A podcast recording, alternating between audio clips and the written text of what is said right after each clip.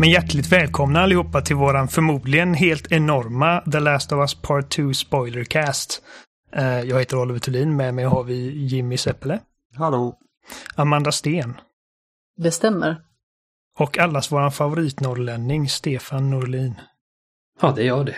Det är du det. Vad formell du blev, Oliver. Allas Ja. efternamn.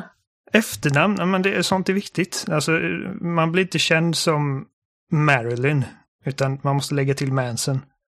Jobbigt om man heter typ Ja. Anders Svensson eller någonting sånt.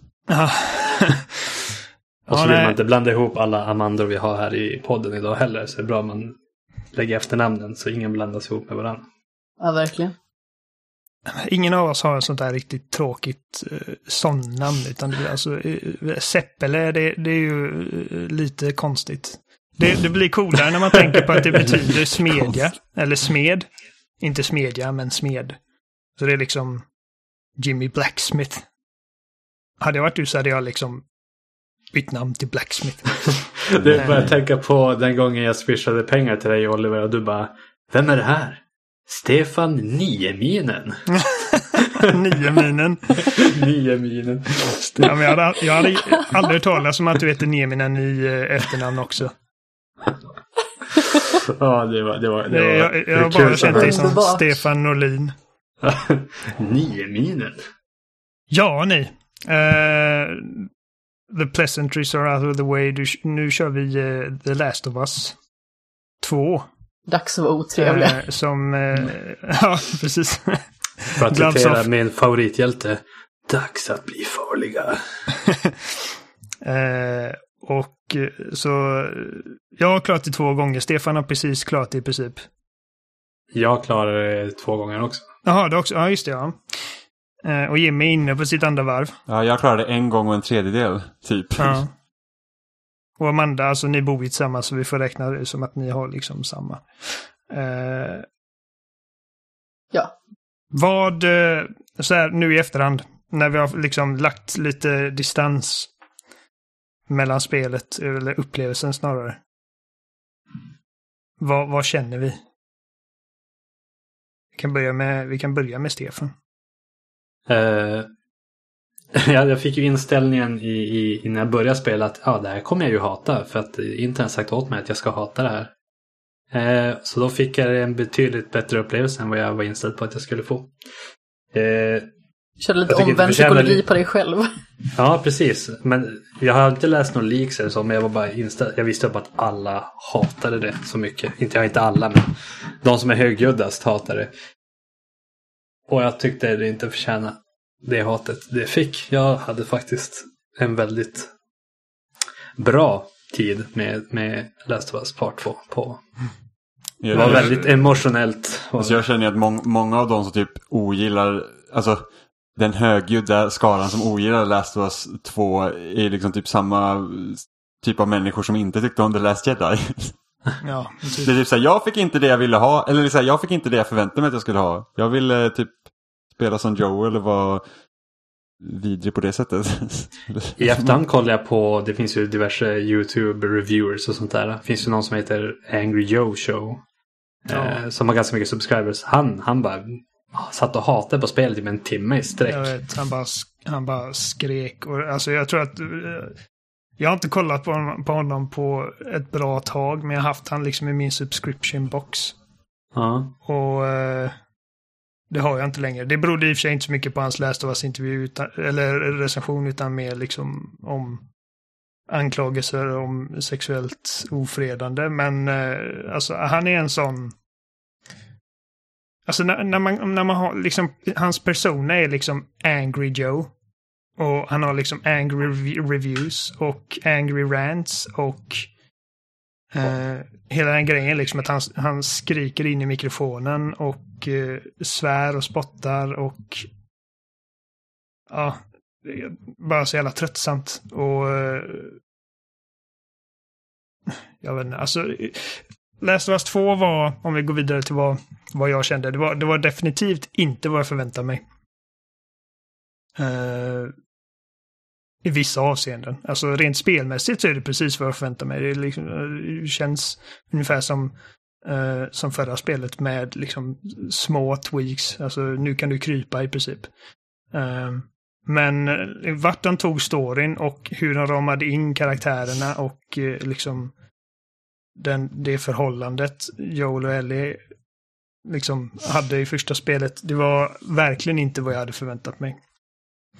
Uh, jag måste säga att Last of Us 2 är, alltså utan, utan några större problem, alltså utan konkurrens egentligen, jag har tänkt på det här ett tag.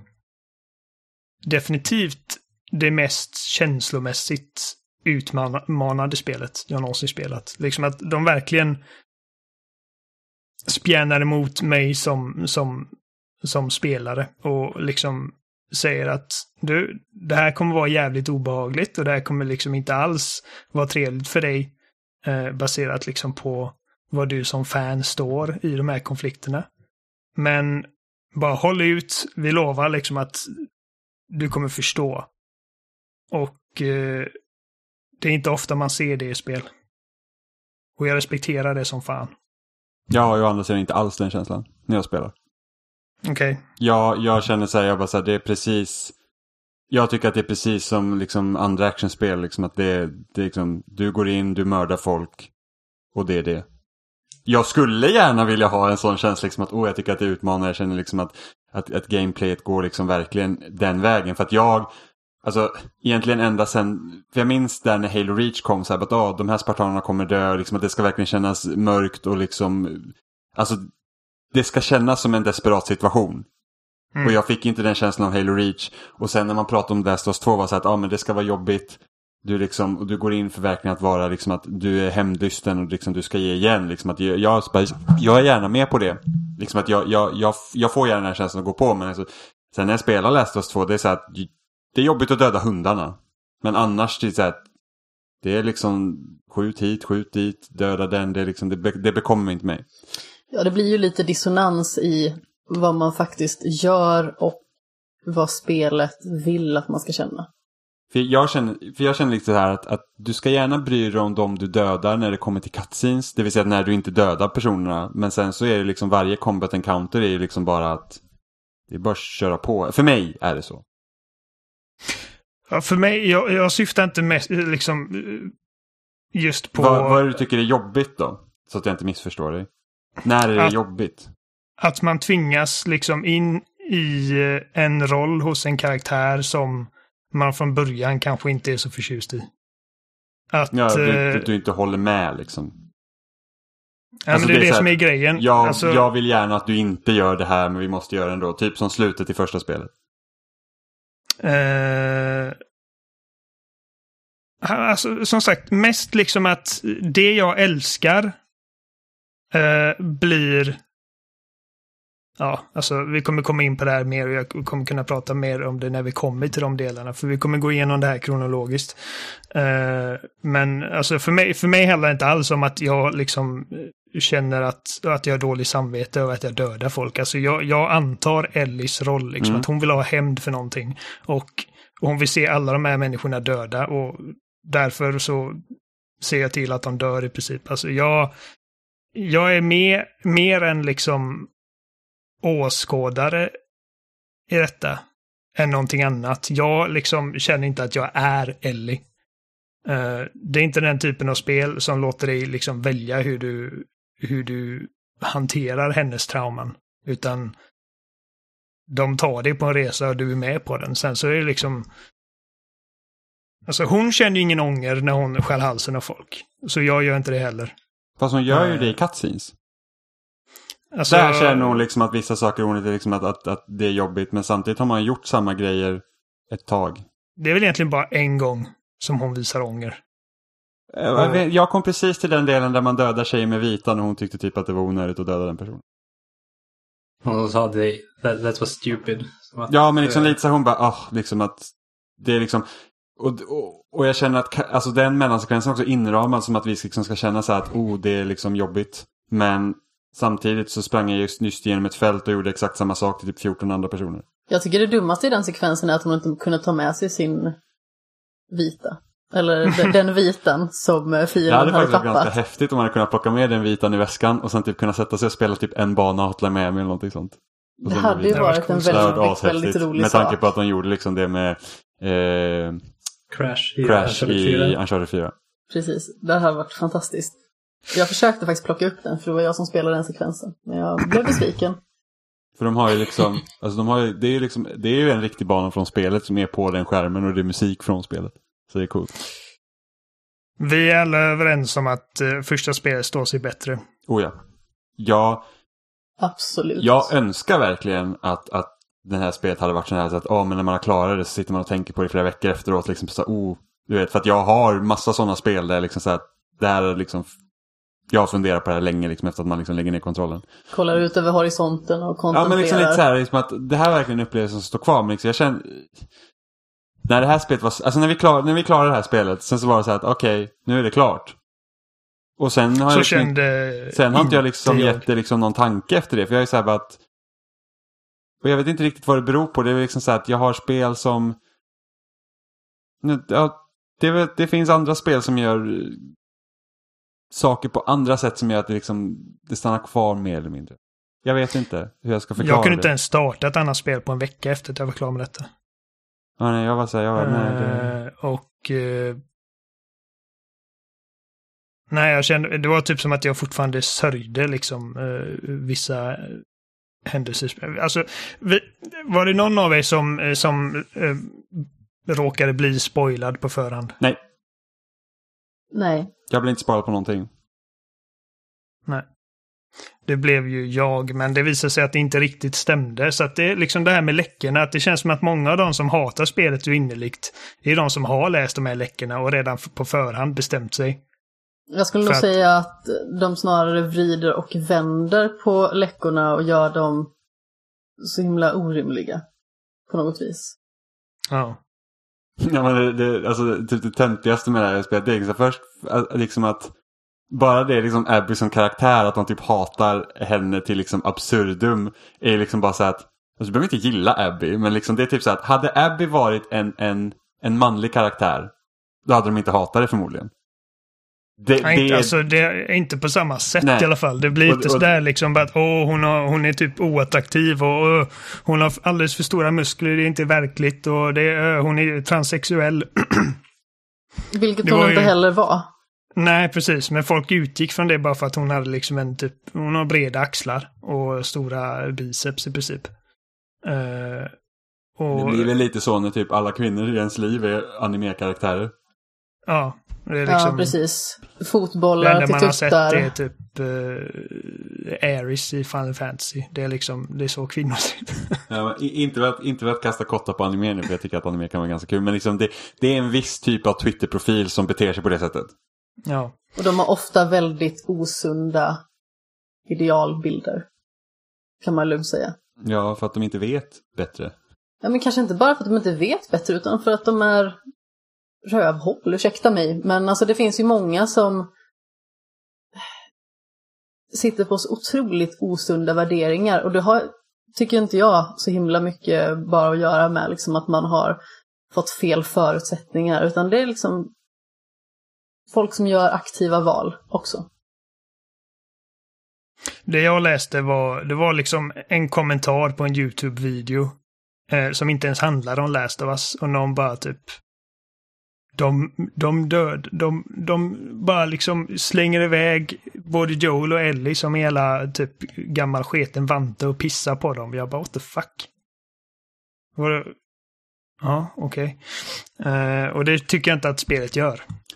Nej, jag tycker inte Eh. heller det. Det finns dock... Jag tycker det finns betydligt fler... Jag tycker spelet missar många viktiga moment som jag tycker att vi borde ha fått ta del av på ett annat sätt än hur spelet presenterar dem. Okej, kommer du Eh. kunna komma in på det när vi kommer Ja, dit? Eller? det, Ja. ja, jo men det kommer jag kunna göra alltså, när vi pratar. För att det ligger en ganska stor vikt i ett tidigt skede i spelet som gör liksom att på grund av det valet så gör det att de inte kan riktigt göra så. Och, och jag tycker att det, det, det, det hade funnits en större emotionell vikt om man hade hanterat det annorlunda. Tror jag. Okej, men, då, men då sätter vi igång då. Spelet börjar med eh, den mest detaljerade gitarrrengöringen jag någonsin sett i ett tv-spel. Eh, Joel, Hur många sådana rengöringar har du sett i ett tv-spel? Inte Oliver? många, eh, ska jag ju erkänna. Men eh, jävlar. Vad det ser Den bra ligger, ut. den, den ligger uppe tillsammans med hamburgaren i Resident Evil 2. Ja, typ ungefär. Uh, Joel rengör sin gitarr och berättar för sin bror Tommy då eh, om eh, vad som hände på sjukhuset i slutet av spelet. Förra spelet. Eh, allting om Ellis operation, att, den inte hade, att hon inte hade överlevt den, att eh, han dödade alla Fireflies på, på plats, eller i alla fall alla som kom i hans väg. Eh, vi får se små flashbacks av det. Eh, och eh, jag bara liksom berättar hur han tänkte, hur han resonerade för Tommy. Och eh, Tommy sitter där liksom bara Holy shit, försöker liksom komma underfund med att det kunde ha liksom funnits en verklighet där vi faktiskt hade ett vaccin nu. Eh, och de rider ner till, eh, till Jackson och eh, han knackar på hos Ellie och det där är första gången i spelet som vi får se dem tillsammans. Eh, och eh, det är liksom, det är lite stelt, men, det, men det, det är uppenbart att de har varit där ett litet tag för att eh, han säger att alla är nöjda med hur hon sköter sig och hela den delen. Och så ger han henne den här gitarren som han satt och rengjorde i början och spelar en låt med lite så här typ eh, on the nose lyrics som ändå passar det där med liksom if I'd lose you I'd lose myself. Eh, en lite fint ögonblick. Eh, och sen puff, är vi fyra år senare. Jesse, en, eh, en av Ellies vänner, eh, knackar på dörren. Hon vaknar. Och de ska ut på eh, patrull eller vad fan det är. Och det är här vi presenteras för Dina. Och eh, vi får också klart för oss att de har en liten... eller är lite förtjust i henne och hon är lite osäker på ifall det är liksom ömsesidigt. De, de kysstes dagen innan och det var, blev tydligen något eh, stora tjolahopp.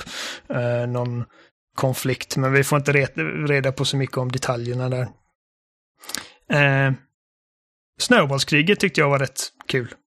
Eh, bara så här typ rolig liten eh, combat eh, scenario för att liksom få in kontrollerna. Det var rätt mysigt. Ja, men det var ett väldigt fiffigt sätt att etablera systemet på något vis. Hur spelet känns nu. Hur man rör Mm. sig och eh, hur man kontrollerar huvudkaraktären. Det är ju det jag tycker egentligen är bäst om med den här början, liksom när man får vara i Jackson och att, att, att spelet gör en ganska tydlig poäng i början, tycker jag, att du inte har egentligen några, några strider som Ellie. Alltså du introduceras inte till klickar och sånt med henne först. Utan det är liksom, du, du, man är numera en fredlig tillvaro och jag tycker att när man får gå igenom Jacksonville där och liksom få gå in på puben och, och liksom gå igenom att det är folk som lever och, och liksom det, det är deras liksom ett litet samhälle där. Det gör att jag tycker att det öppnade upp eh, världen i Last of Us större. Jag vet inte, jag tyckte det bara kändes så himla mycket större helt plötsligt. Att, att människor lever Ja. och gör, för att även om du får gå igenom liksom i första spelet när du går igenom eh, eh, den här eh, liksom zonen där, där de bor. Boston, ja. Precis, så- så då är det liksom så här att det kändes fortfarande liksom inte som att här lever folk och är lyckliga och Nej. glada liksom, utan det kändes som ett ganska så här dystopiskt och liksom så här att, men, men det var fortfarande så himla centrerat kring både Joel och Tess där. Medan här var det verkligen så att vi, ja men vi har Ellie, vi har Joel, helt plötsligt har vi Jessie då som en ny karaktär, vi får träffa Dina som en ny karaktär, Tommy, Tommys fru, liksom helt plötsligt så har du alla de här olika kopplingarna till Ellie på ett sätt som inte Joel hade i första spelet. För det var liksom, det var Joel och Tess och sen var det någon liksom ligist som de hade liksom haft att göra med som man jagade. Eh, Men de gör det tydligt att i Boston så överlevde de, men här lever de. precis, så att det är liksom, klickers är fortfarande ett hot men det är liksom inte...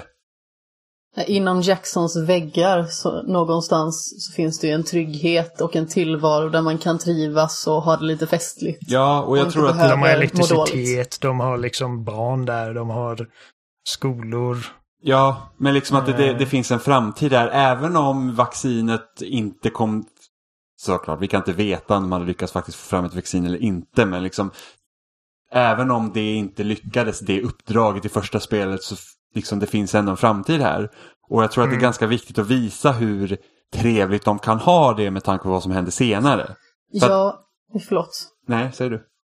Det blir ju väldigt likt eh, inledningen av Sagan om ringen skulle man kunna säga. Det här liksom att man har fylke och man bygger upp något fint och eh, gemytligt och att det liksom finns något för karaktären att förlora på något vis.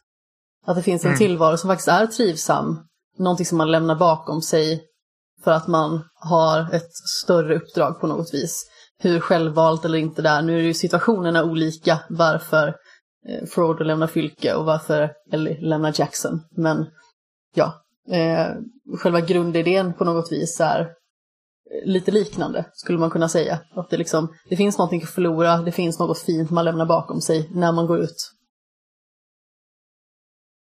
Absolut. Eh, vid det här laget så, så om det är någonting som lyser med sin frånvaro så är det Joel.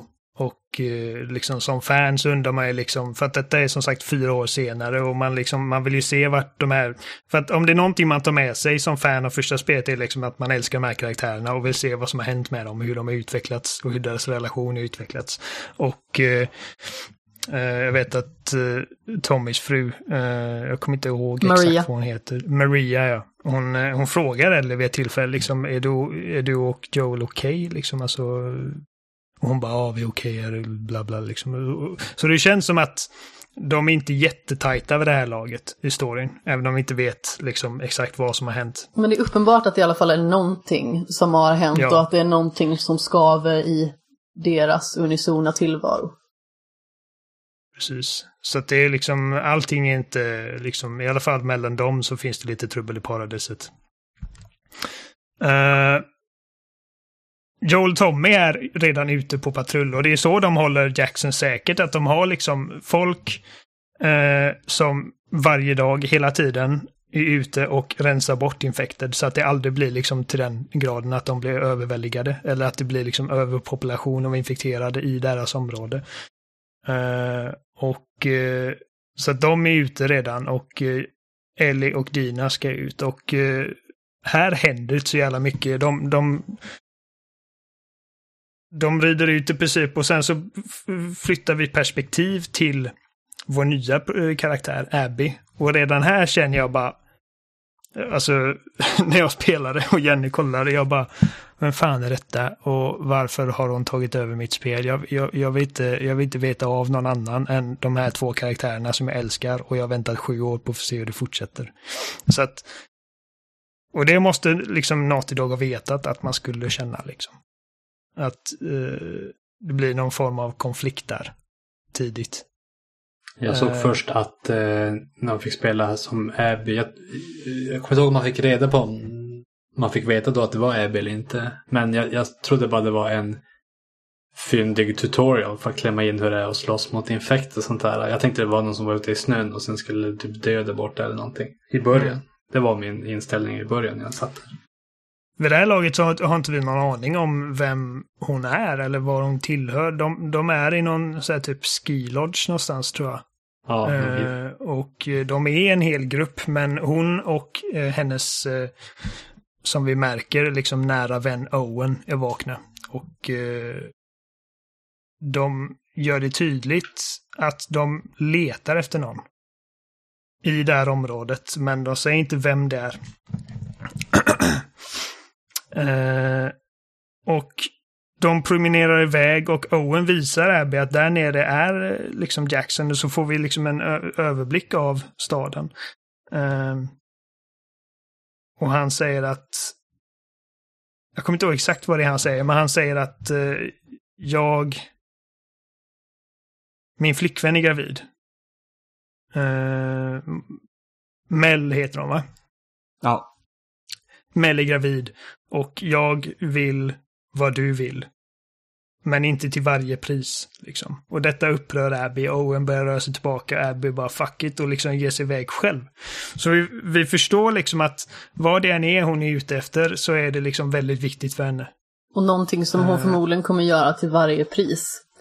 Precis, hon är liksom, hon är beredd att, att ge sig ut på okänd mark, mitt i natten, i vintern, själv. Utan att ha gjort liksom någon ordentlig liksom reconnaissance eller någonting. Och liksom, alltså hon ska bara ut. Uh, och det här vi får liksom uh, träffa infekter och clickers och allting och uh, hela den biten. Och det händer inte jättemycket här heller fram tills vi får byta ska vi se, det sista som händer där. Ja, jag tror att det sista vi får se med henne innan vi byter tillbaka till Ellie är att hon hittar fotspår i snön. Ja, jag måste ju bara säga det att du kände ju liksom så här varför kommer en okänd karaktär och tar över mitt spel?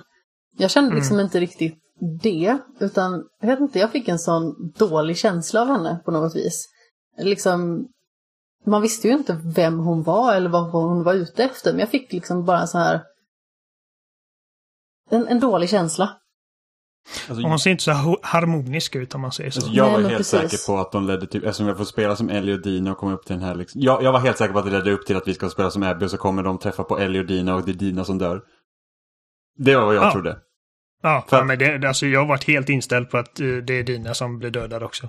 Eller att någonting, för, Eh. att- för att jag tänkte att det är det liksom som startar igång Ellies liksom jakt.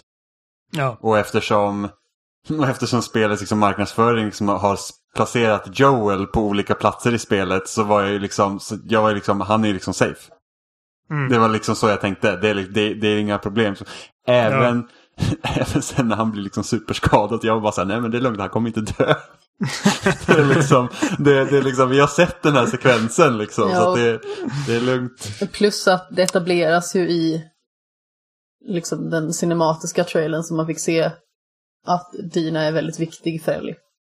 Ja, Så det är ju liksom inga konstigheter att man drar den parallellen. Men jag vet inte, jag bara kände liksom att jag gillar inte den här karaktären. Alltså det är liksom inte baserat på något, utan det var liksom mer så här, jag satte mig med armarna i kors och bara Vad är du för skurk? Vad vill du? Lite grann. Jag var inte övertygad om att liksom, det här var någon antagonist eller någonting. Jag bara kände att, för att eh, det första, jag bara kände igen henne direkt som den här kvinnan vi såg i eh, trailern där hon blev typ upphängd. Och det var ju massa, eh, Den hemska trailern som jag verkligen inte uppskattade alls med sånt extremt övervåld. Vi kommer dit sen. ja.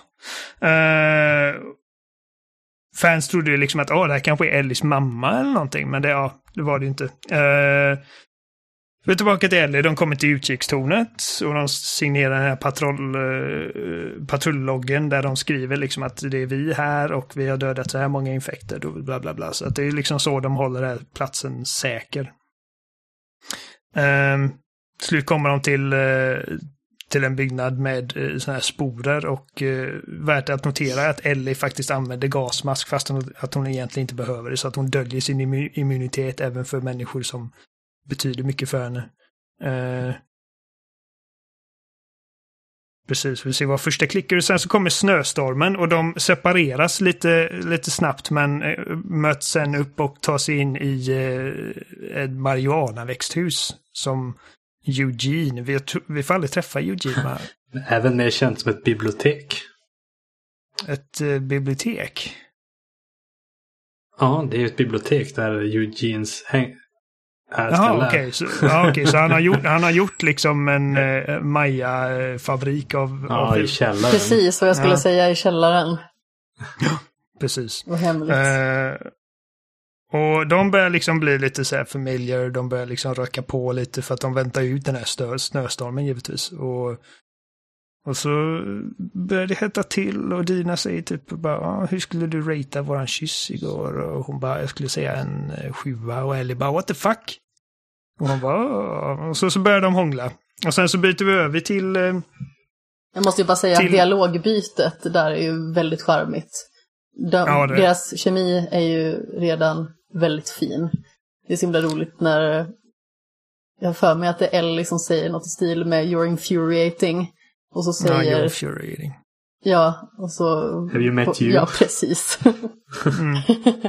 Eller kanske tvärtom. Så det är lite så här back and Strunt forth, samma, det lite är lekfullt. roligt i alla fall. Ja. Eh, Jag måste ändå säga att liksom- de har fått till de nya karaktärerna rätt så bra ändå. För jag, jag älskar liksom det dialogbytet som Ellie och Jesse har i början också. För att Jesse var ju liksom tillsammans med Dina från början. Precis. Eh, Han bara, "Vadå, så jag har varit, vi har gjort slut i typ eh, en vecka och du är redan på min tjej. Och hon bara, "Ah, så, kolla här, ursäkta. Han bara, jag, jag, jag skojar bara, jag bryr mig inte. Liksom. Så att liksom de är, det, det är charmiga karaktärer är det. Och genomgående för hela spelet är liksom fruktansvärt, eh, fruktansvärt bra skådespel. Absolut, Och- och, välskriven dialog konstant. Ja. Och just att kyssen inte ser helt weird ut. Liksom, det, det är svårt att få till i tv-spel. Uh, det hettar ju till rejält. som... Ja, två, liksom ansikten, så här karaktärsmodeller som smushas ihop. Det, det Jag tänker på typ Heavy Rain. Aj. Där det såg, jag menar, nu har det gått lång tid, men det är liksom, jag kan inte tänka mig att det är lätt idag heller. Så att, Nej, för det är roligt. De har, när de gjorde den kyss, de har ju spelat in en kyss så att karaktärerna faktiskt kysser varandra. Och sen har de behövt göra det varje del individuell också. liksom, så de måste låtsas att de kysser en annan person. Ja, awkward. Ja. Så det jag lyssnade på en annan podcast, det var, undrar om det var med Ashley Johnson och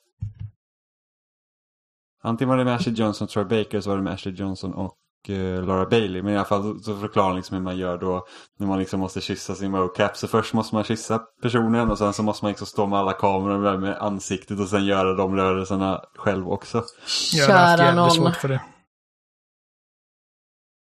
Jag vet, det var så de gjorde kyssen mellan eh, Imhotep och eh, Anaxunamun i eh, Mumien, återkomsten också. Jaha. Den stackars skådespelerskan fick liksom kyssa luft och så fick de animera in Mumien. Och hon sa att det var en av de mest awkward grejer jag någonsin gjort. ja, skådespelare alltså. Eh, så att de har det mysigt där. De, eh, de har Rajtan Tajtan. Och det är nu vi byter över till Abby igen som inte alls har det lika mysigt. Hon är ute i snön och liksom står inför en överväldigande hord av infekterade. Vilket säger mig liksom att okej, då har de, de kanske inte gjort så jävla bra jobb där- med liksom infected utrensning. så att jävlar vad många de blir helt plötsligt. Och nu är det liksom, nu är det bara att springa. Och hon hamnar i en riktigt dålig Prioriteringarna var någon situation. annanstans.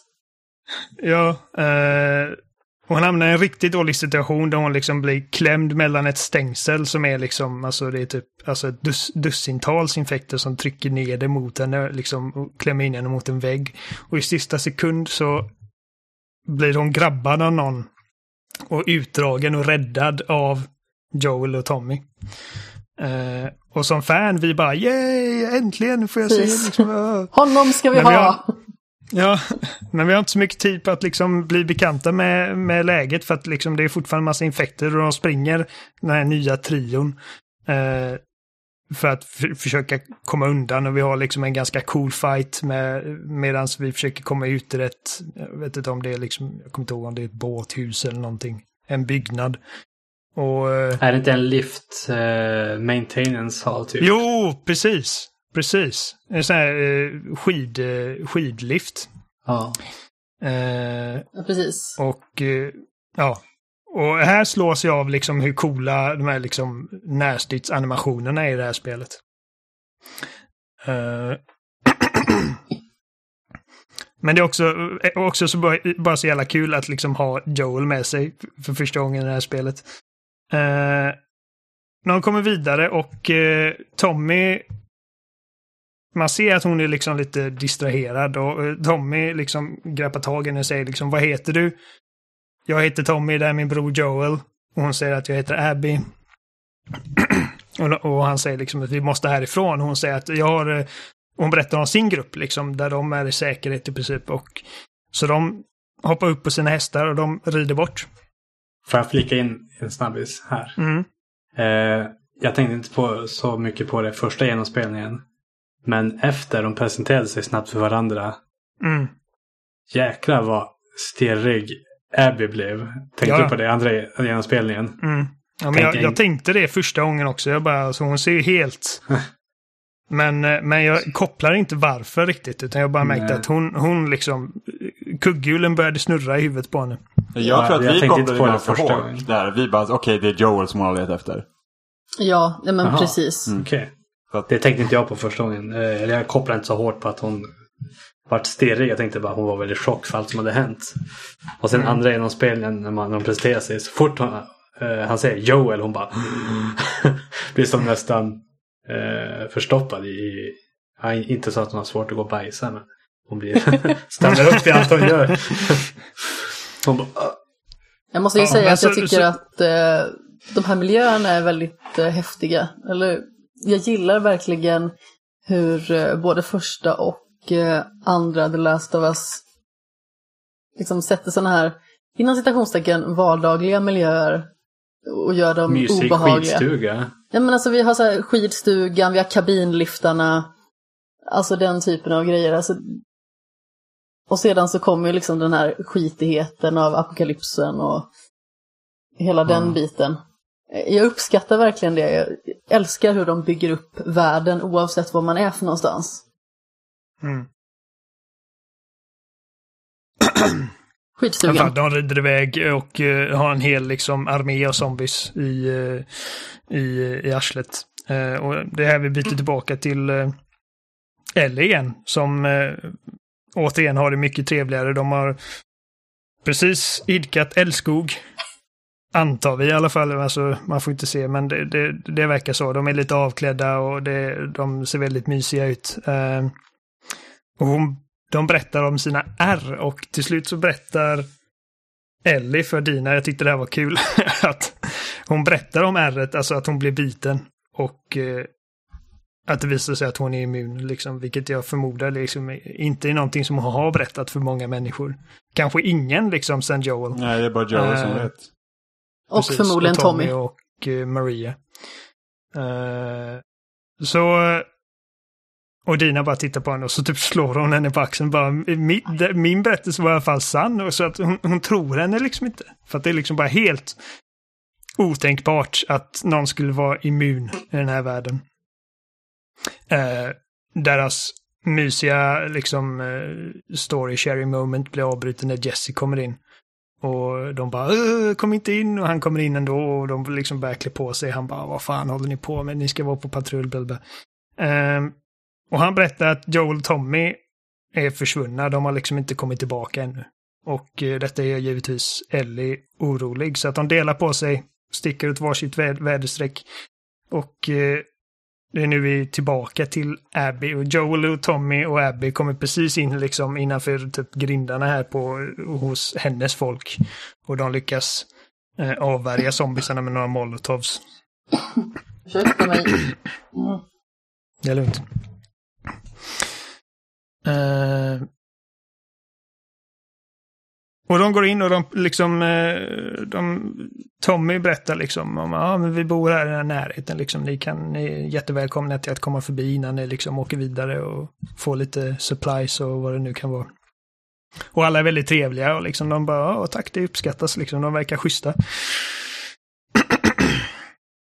och så så fort Joel säger liksom hans namn så blir det bara helt knäpptyst i rummet och han liksom ser sig omkring och han säger bara, "Ja, det är ungefär som att ni har hört talas om oss.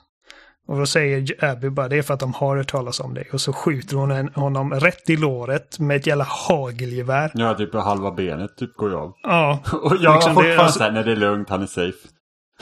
Och, och, och då, Tommy skriker till och de bankar ner honom med pistolkolven och, och det liksom bara, alltså jag är liksom in disbelief i det här ögonblicket för jag bara, Vad är det som händer? vad händer? Alltså det här, det här kan inte hända. Jag har haft sån jävla ångest när jag såg den här scenen. Det var ungefär som att det var lite som typ när de satte eh, liksom skulle avrätta, eh, vad heter han? Eddard Stark i Game of Thrones liksom. Man var helt disbelief över vad som händer. Och liksom in i det sista så tänker man bara snälla liksom det måste hända någonting, någon liksom Deus ex machina ögonblick, liksom rädda honom för helvete. Men det ser fan inte bra ut för hans ben bara hänger i en liten liksom köttslamsa. Ja, och det var roligt och... för att jag satt ju liksom såhär, fasen de kommer ju döda honom och Jimmy bara nej, nej, det är lugnt. Ja, men han, han har ju varit trailers ju för fan. ja, men det, man är liksom lite så här typ in denial nästan. Och som sagt, alltså den, den ångesten jag kände, jag har aldrig känt sån ångest över liksom en tv-spelscen i hela mitt liv. Uh, och uh, så de håller fast honom uh, mot väggen liksom sittandes. Och Abby sätter sig liksom på huk framför honom och säger liksom Joel Miller. Uh, vilket jag tror det är första gången vi får höra hans efternamn. Det är det. Uh, det spelar ingen större roll. Uh, och uh, han säger liksom, vem är du? Och hon svarar gissa. Och han tittar på henne en stund och liksom bara...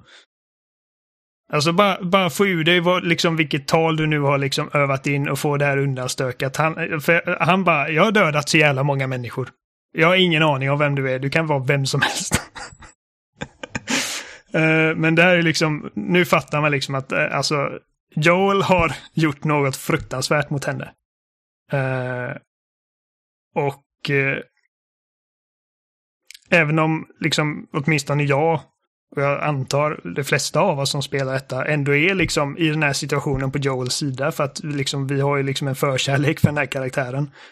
Så förstod jag liksom att detta är alltså... Detta är inte en... Jag får inte känslan av att Abby är en ond människa. Hon, hon har bara liksom blivit felad. Någonting grovt liksom. Um. Så de sätter förband på benet och hon, hon, hon, säger typ att din dumma jävel, det här ska inte du liksom få undanstökat snabbt. Det här ska, liksom, jag ska njuta av detta typ. Och han, hon liksom slår honom i huvudet med en golfklubba. Och vi byter tillbaka till Ellie till ytterligare typ en så här, grymt ångestladdad scen. Att hon lyckas ta, ta sig till det här huset. Hon hör honom skrika. Hon kommer ner och liksom försöker liksom långsamt smyga sig in i rummet men hon blir överrumplad med en gång och de slår ner henne. Hon lyckas knivhugga någon av dem men liksom hon har inte en chans. De trycker ner henne och sparkar henne och... Och i det här ögonblicket, liksom, alltså hon, hon ser liksom Joel ligger där, alltså han är fucked up. Liksom. Alltså det är knappt som man känner igen honom, det är bara liksom ett stort blåmärke. Uh, men han lever fortfarande. Och... Och Jimmy var fortfarande säker på att han skulle överleva. jag var till och med, jag, jag, till och med när vi liksom spolar fram tiden där och sen till, till hans innan vi får veta att det är typ hans begravning så är det ändå så här, nej men han kan ha överlevt. Ja, oh, gud. Uh, och hon går igenom alla de här liksom stadierna av typ, alltså liksom, fuck you, jag ska fan i mig döda er, era jävlar. Och till liksom skrika på Joel bara liksom, res dig för helvete, res dig. Och han är liksom bara helt, alltså, vi vet inte ens, alltså, för, det är inte ens säkert att han hör henne ens. Alltså, hur mycket av den hjärnan är fortfarande intakt för det här laget. Liksom, det är bara, alltså hans hjärta och hans lungor fungerar liksom. Ja, det var sånt Mufasa-ögonblick alltså. Riktigt uh, jobbigt. Och uh, Owen säger till Abby att nu, alltså, nu räcker det liksom. Det här, uh, nu har du liksom lekt tillräckligt, vi måste härifrån.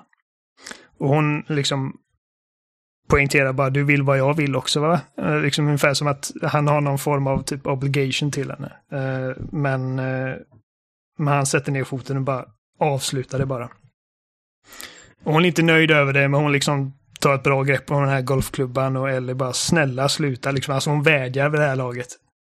Och eh, det blir ett sista liksom slag i huvudet och Ellie skriker och jag skriker inombords.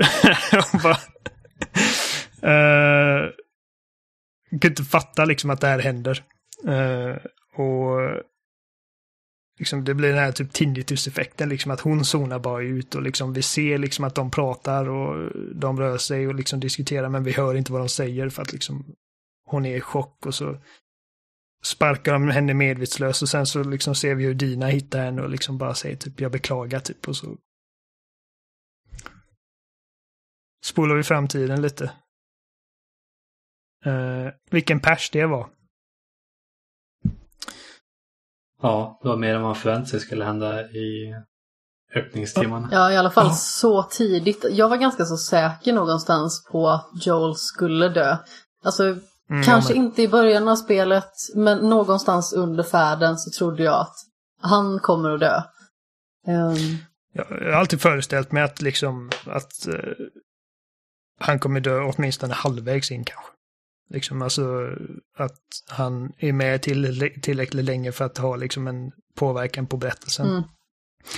Och det är som alltså trailers och eh, marknadsföring har ju liksom, de har, de har ju velat att vi ska tro att det är Dina som dör. Eh, för att liksom, det är ju det är ju någonting som händer som gör att Eddie beslutar sig för att lämna säkerheten och tryggheten i Jackson för att ge sig ut på det här liksom korståget. Uh, grejen är att, att döda av Joel är en mycket liksom mer effektiv katalysator i den bemärkelsen. För, för att liksom Men- Joel betyder lika mycket för oss. Ja, det, det Som- finns liksom inget annat, egentligen rent logiskt sett, det finns liksom ingen annan som kan ta den platsen. Det är Joel som måste dö. Nej. För att annars, hur, annars ska vi liksom hamna på Ellies sida. På, på liksom så Precis. enkelt. Liksom att det är, det är liksom att det är inte bara vem som helst utan det är Joel, en karaktär som vi redan spenderar 20-tal timmar med. Så att det måste vara Joel.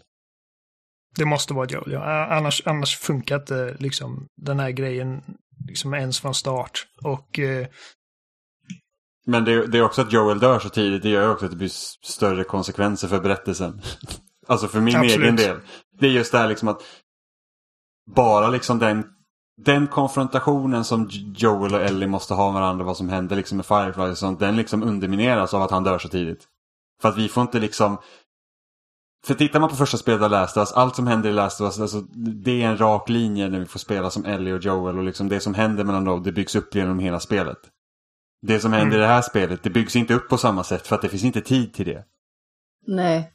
Och, det, blir det, det är mitt största problem med det. Det är att vi får liksom inte den vi får inte det, det avslutet med de här karaktärerna. Vi får liksom inte den konfrontationen mellan de här karaktärerna på sättet som vi, jag tycker att vi borde ha fått.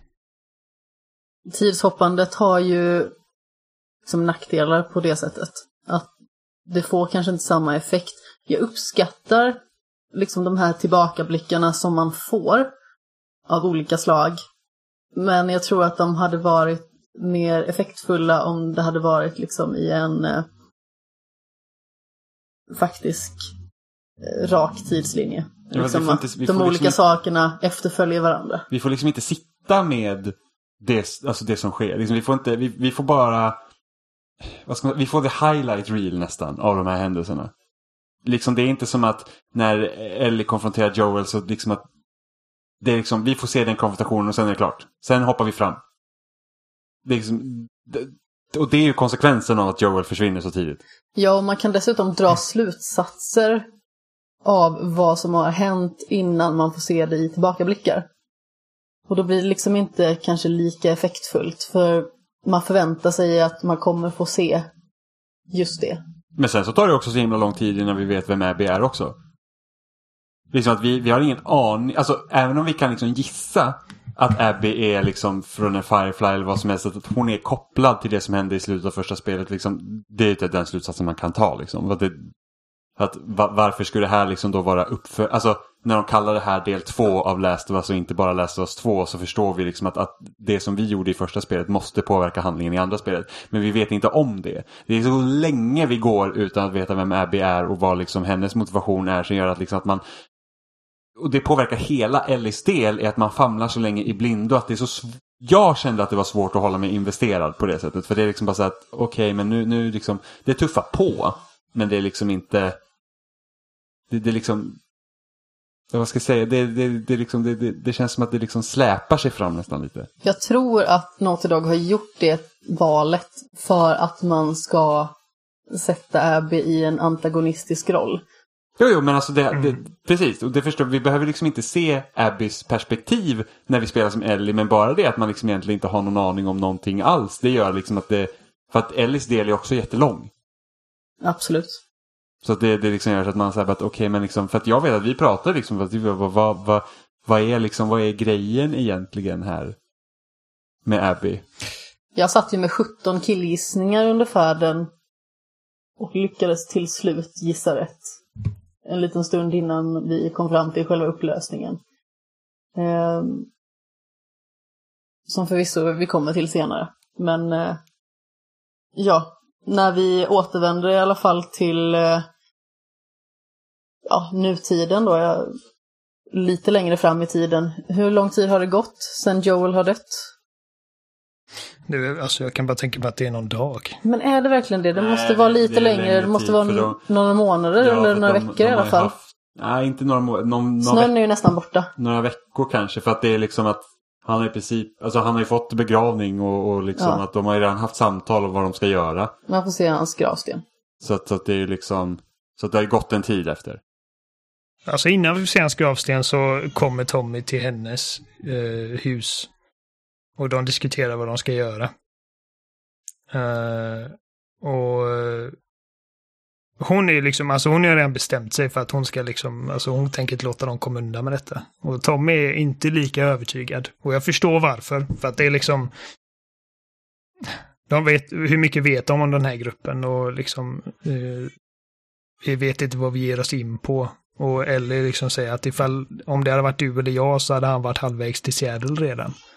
Eh, för att de kan liksom, baserat på vad de hade för märken på deras jackor, vilket var Washington Liberation Front, som jag antar att de sen kunde liksom eh, ta reda på att de är stationerade, och ska säga att de håller till i Seattle. Eh, och Tommy liksom bara, "Ja, men vi kan inte lämna Jackson och liksom eh, of, oförsvarat och det liksom, han gör ordentliga argument men Ellie är alldeles för bestämd och han säger ge mig en dag. Jag ska prata med Maria, vi får se vad vi kan göra. Ge mig bara en dag. Och eh, sen så kommer då när hon sitter vid, vid graven och det är väl här Jimmy har accepterat, okej han kanske dog. Ja, jo, när jag såg gravstenen då var jag så här, bara, okej, jag köper det. Eh, och... Fast bara nästan. Ja. Och Dina vid det här ögonblicket gör det, gör det också tydligt att jag, jag följer med dig liksom.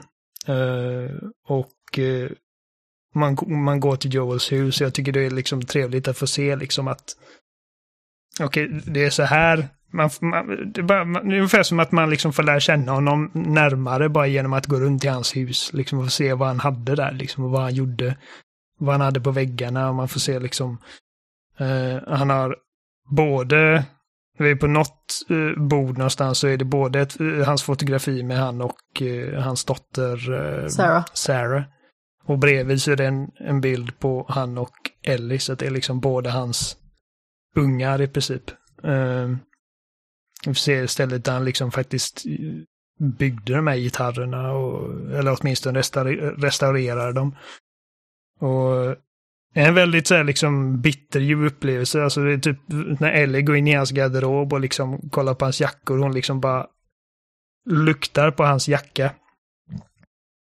Eh, och så kommer vi till den här lådan där, där hon tar fram hans trasiga klocka. Och eh, hans revolver. Och det är då Dina ropar nerifrån och eh, Maria har kommit in och liksom gör det, liksom förklarar för oss att Tommy har redan stuckit. Han har liksom lämnat ett brev till Maria och säger liksom förlåt men jag måste göra detta. Låt inte Ellie följa med eller följa efter. Eh, men liksom jag kommer tillbaka när det här är gjort. Så att han har stuckit. Och Maria låter Ellie och Dina eh, få en häst för att liksom komma ikapp. Hon säger bara liksom få hem min dumma man. Jag måste bara säga att hela den här hussynen som man får göra någonstans, jag tycker att det är en väldigt fin passning också till första spelet.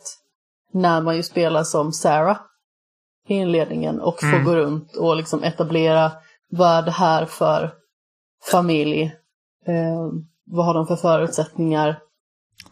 Ja, men visst. Absolut.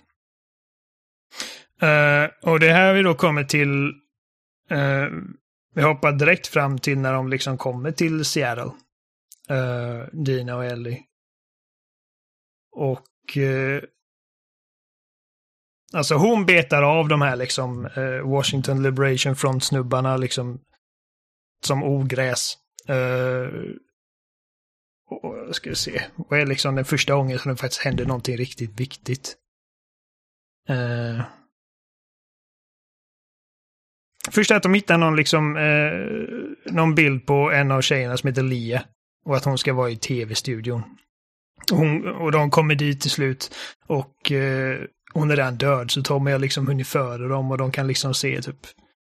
Eh, är det här som de, som de liksom reagerar på att de har typ tvingat, eller han har torterat dem? Eller är det någon annan gång? Jag när tror det är liksom att det två är kroppar? en annan gång, för det är väl två män. Ja, det är möjligt. Ja. Eh, för, för då använder de, eh, han använder dem mot varandra. Precis som Joel Precis, gör att- i första spelet. Och han, han har liksom Exakt. berättat om det också, att de använder sig av den taktiken att eh, den ena personen får ge ett svar och sen så får den andra ge ett svar.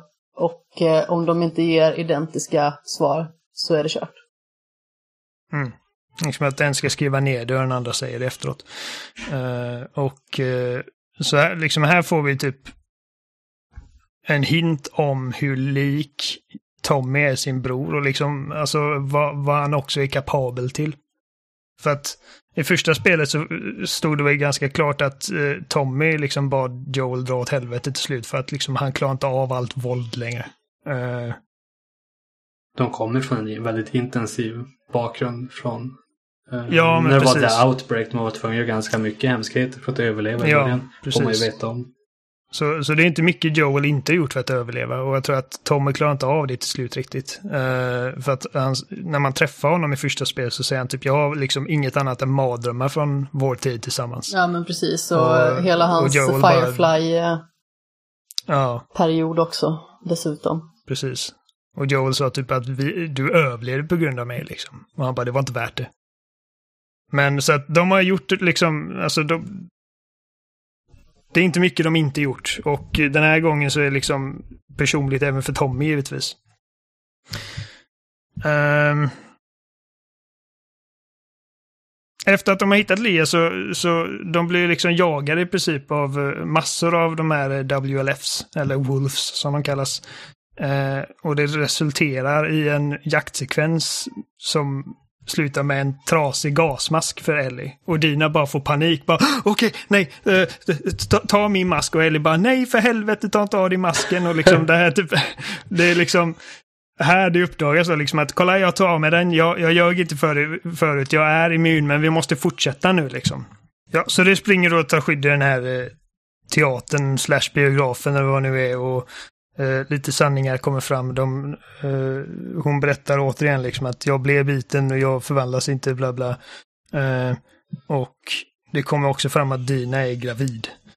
Vilket komplicerar saker och ting och Ellie eh, liksom hon säger något i stil med varför, varför berättar du inte tidigare? Hon sa jag vill inte vara en börda. Ja men nu, nu är du ju fan med en börda. Och de liksom okej okej ja. Och så, så det blir lite spänt där och Ellie går iväg för att liksom kolla stället och hon får inte riktigt igång radion de hittar där och det, det blir dålig stämning helt enkelt. Och nu kommer vi då till vår första liksom Flashback. Tre år tidigare. Innan Flashbacken måste jag bara säga att vi går ju ner i själva salongen och hittar en Precis. gitarr och sätter oss och spelar. Någonting som jag har för mig att vi har fått göra en gång tidigare i en väldigt fin sekvens när Ellie spelar Ahas Take On Me. Eh, Ja, just det. Det är en sån eh, valfri, alltså det är inte alla som... Man, man kan ju liksom missa den ja men precis, scenen. men det är ändå en charmig detalj tycker jag. Jag tycker att den är jättehärlig den versionen. Och eh, sen Den är bra. har jag för mig att hon spelar If I Ever Were To Lose You när hon sitter nere i salongen sedan i sin ensamhet och plinkar Ja, och därefter somnar. Vi missade ju dock eh, det bästa. Det är när de är i, utforska i Seattle. Det, och gå in i musikaffären och hon kör en fet cover på Take On Me på gitarren. Ja, det var ju det jag berättade om. Ja, jag också. Jag också. God morgon Stefan. Alltså, Ja, nu när man liksom fått spendera en hel dag liksom med Dina eftersom det här är ju ändå spelets enda öppna parti. Vad tycker ni om Dina? Vad tycker ni om deras relation? Eh, alltså, den betyder inte så mycket för mig som det gör för karaktären givetvis. För att liksom när vi inte presenteras för Dina så har de känt varandra i flera år. Ja, och det är för lite Eh. tid för oss att etablera den relationen någonstans. Alltså har vi Joel och Ellie så byggs den ju, deras relation i alla fall, upp under hela spelets gång. Eh, Precis. och här har man fått en liten kort stund och man vet ju inte riktigt hur det kommer att gå till eller vad formulan är i det här spelet. Men det är liksom svårt att föreställa sig att det ska vara en lika betydelsefull resa på något vis. Med tanke på hur mycket Ellie växer i första spelet. Mm. Nej, alltså jag tror att det är nog eh, liksom mitt... I alla fall vid det här laget i spelet så var det mitt absolut största problem med spelet. Att liksom... Eh, första spelet byggde så mycket på att liksom få se den här relationen mellan två helt olika människor utvecklas. Liksom att de, de får varandra att växa och liksom utmana varandra och de, de blir bättre personer tack vare varandra. Uh, och det får vi inte riktigt med Dina eftersom att vi inte har fått se den relationen utvecklas. Vi får se liksom en liten, liten, liten del av det. Ja, och återigen då till det här, om de faktiskt hade haft tidet i en liksom riktig ordning, där den ena händelsen följer den andra, då hade man ju förmodligen fått se mer av Dina. Alltså, kanske det här, nu ponerar jag liksom bara på hur det skulle kunna vara, men eh, att det finns någon form av underliggande romans, att de liksom växlar menande blickar och så vidare. Liksom att det kanske finns någonting i bakgrunden som växer fram under en längre tid. Även när de kanske bara är kompisar. Eh, Och det får man ju liksom inte riktigt se. Det är ju någonting man bara kan spekulera kring. Liksom hur de har haft det innan den här faktiska kyssen då på Jacksons lokala bar. Mm. Ja, men absolut. jag tror att Eh, den, dan alltså den dansscenen som kommer typ sist i spelet, den borde ha varit betydligt, alltså, den borde ha visats mycket tidigare. de pratade om att de skulle ha den mycket tidigare. Jag såg någonting när Neil Druckmann pratade om att han ville ha den. Eller ja, de hade... Förut var den scenen mycket, mycket, mycket tidigare För i att, jag, spelet. för att det är någonting som jag har märkt att folk ser liksom ett problem. Liksom att ah, Ellie visste om vad Joel hade gjort och därför är det så svårt att liksom se hennes, eh, den här hämndresan för att Joel inte är en bra person. Så bara, nej men ingen är en bra person egentligen i den här världen. Det han, Ja, men jag, jag köper nej, inte alls inte, det nej argumentet. inte jag heller. För det är så här att anledningen till att Ellie är så förbannad är för att hon missade chansen att liksom bygga upp deras relation igen. Det är liksom det är den stora grejen och det är det så många som har missat tycker jag. Det är liksom så här att nej men det handlar inte bara om liksom så att åh, Joel, alltså att Ellie kan förstå varför någon skulle vilja hämnas på honom. Det är inte det som är grejen. Det är det att hon, det är liksom, det är tid som har slösats bort på att de inte har varit liksom bundisar. Som bara helt plötsligt försvann. det, det, spelar, det spelar heller ingen roll vad Joel har gjort mot uh, Abby från Ellies perspektiv. Nej. Alltså det är fortfarande liksom en av de viktigaste personerna i hennes liv och, och, och Om inte den han blir viktigaste. mördad liksom. Ja, och sen liksom bara så, ah, Ja. men då Ellie visste om att han var en dålig person. Så bara, ja, Ellie är också en dålig person. De mördar Ja, liksom vitt ja, och brett. De har gjort det liksom i två spel nu. Det är liksom, det är bara så det är. Det, det finns liksom, det, det är väldigt bristvara på liksom genuint Ja. goda människor i den här världen. De är döda allihopa. Det är liksom... Nej, men jag, jag, jag såg eh, för att Game Makers Toolkit som jag annars tycker är så jävla bra hade en, skrev en artikel eller ett blogginlägg om, om det där liksom. Att, eh, att Joel är en objektiv, liksom horribel människa, ett monster typ och han förtjänar att dö. Och att eh, man inte ska bry sig om det då. Jag bara, men det, är- ju bullshit. Liksom, alltså, jag tror inte nu, liksom, största majoriteten av alla som spelar de här spelen ser Joel som, en, som ett monster. Jag gör inte det. Jag vet att han har gjort liksom monstruösa grejer, men det är liksom... Det är bara den världen hon lever i. Och medan jag inte klandrar Abby för vad hon gjorde, baserat på liksom vad vi får reda på sen. Ja, För det gör jag faktiskt inte. Och Joel Eh, betyder ju väldigt mycket för en själv som spelare också. Precis, alltså han är, min- han är min liksom utgångspunkt i den här världen. Alltså han är... I första spelet så är det ju hans Joel. axel vi kollar över liksom. Ja. Jag, jag anser nog att Joel liksom är skurk. Jag, jag har inga problem med att liksom se honom som the bad guy från första spelet. Liksom. Och jag kommer ihåg att när, när han väl, även om jag var liksom i trodde att han skulle överleva till varje pris på grund av saker så, så var jag ändå så att ja, men han förtjänar det som händer honom. Jag liksom har inga sympatier egentligen här. Men det är liksom inte den rollen jag tar i spelet heller för jag spelar ju som Ellie.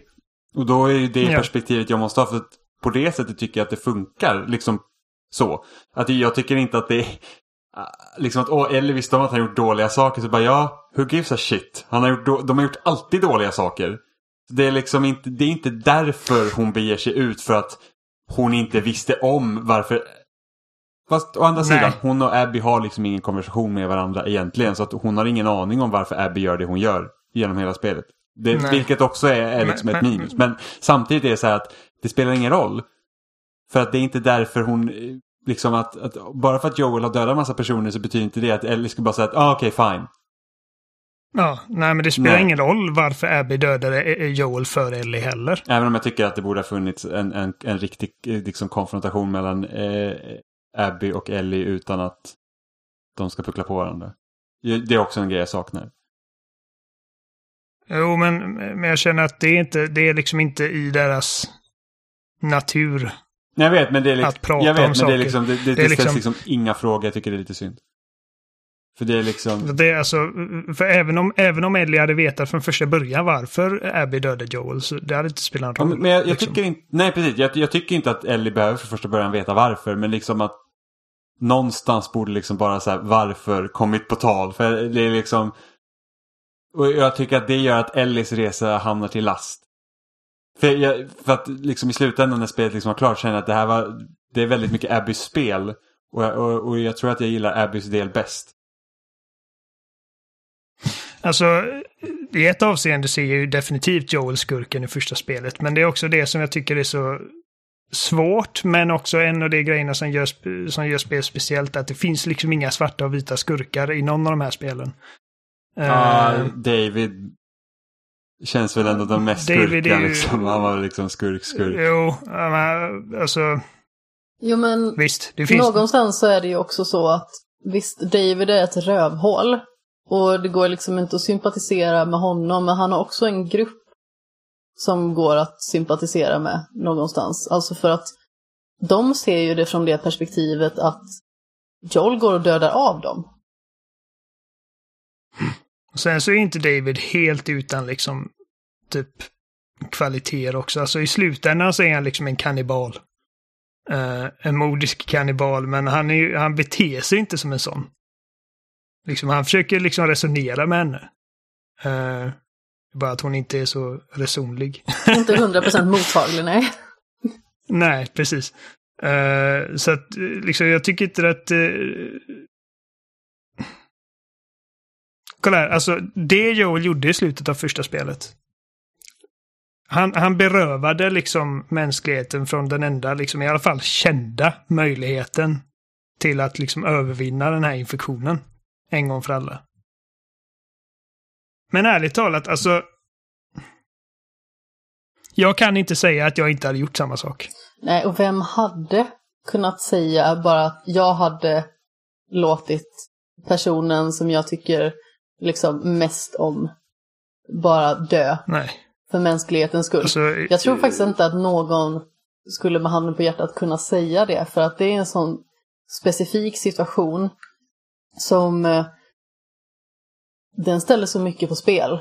Att jag tror att det är liksom fysiskt svårt för den mänskliga hjärnan att liksom greppa det. Alltså det samvetskvalet eller liksom där Nej. problematiken som man ställs inför.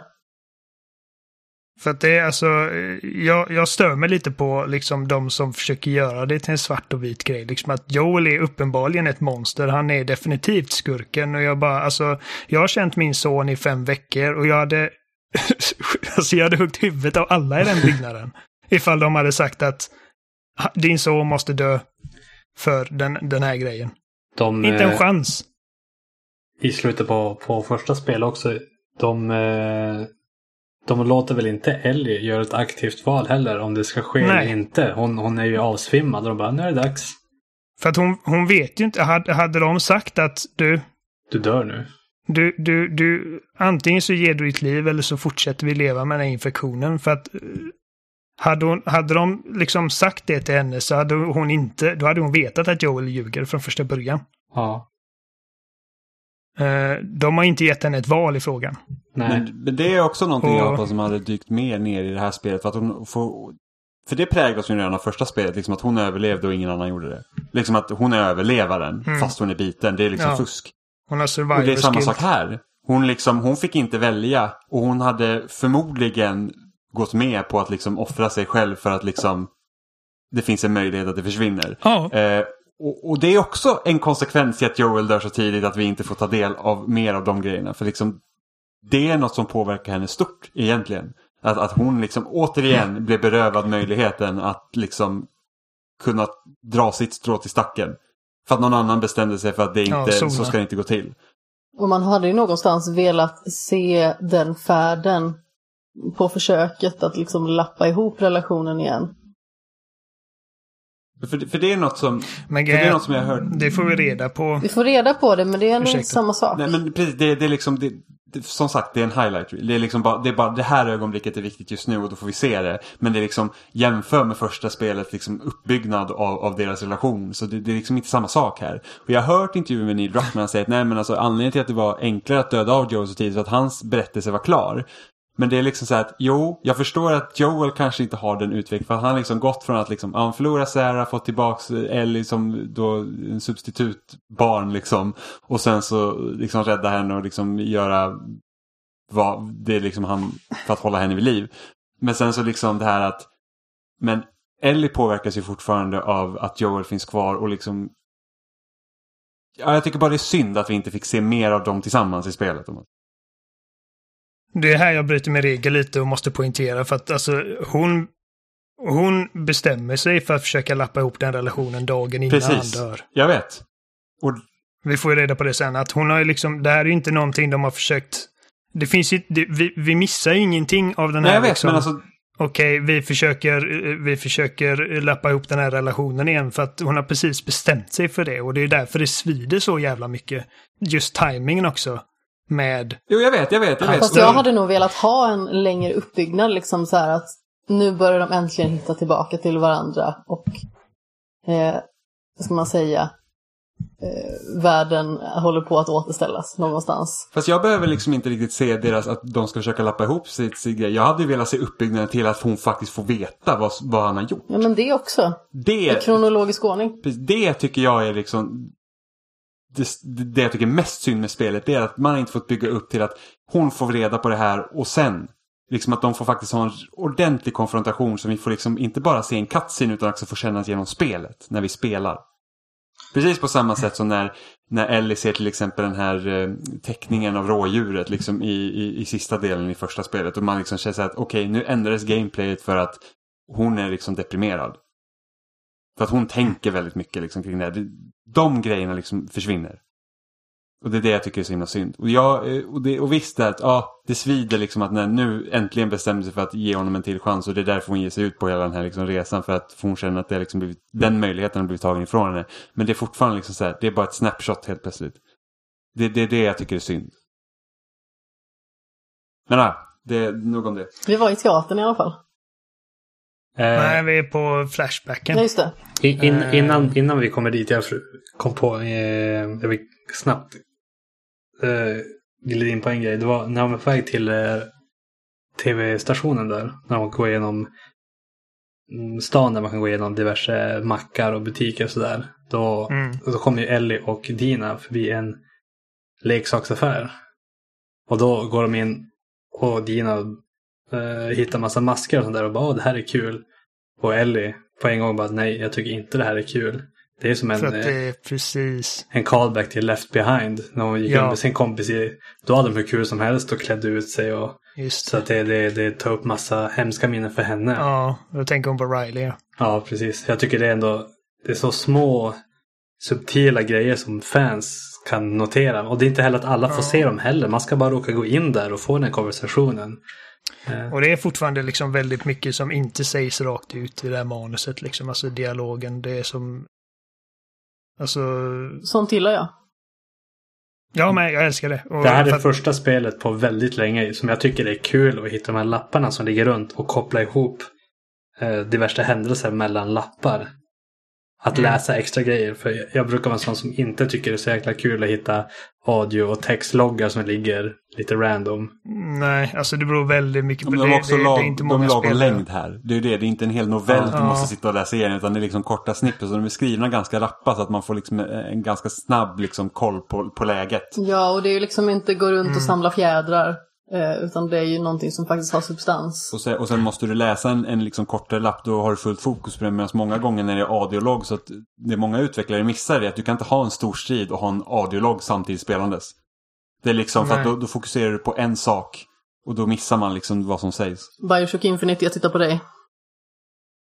Sen gör det också en del liksom att man, man hela tiden är ute efter typ så här kassaskåpskombinationer och grejer. Så att liksom man är ju noga med de här lapparna. Det är de roligaste pusslerna i spelet. Att, att lista ut eh, de här fyndiga kassaskåpen tyckte jag. Det tyckte jag eh, var riktigt kul. Eh, Ja. Det första kassaskåpet i spelet är ju när man går runt med Ellie och Dina i snön.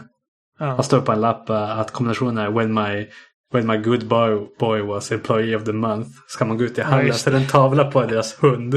I, ju, i juli så är koden juli 2013.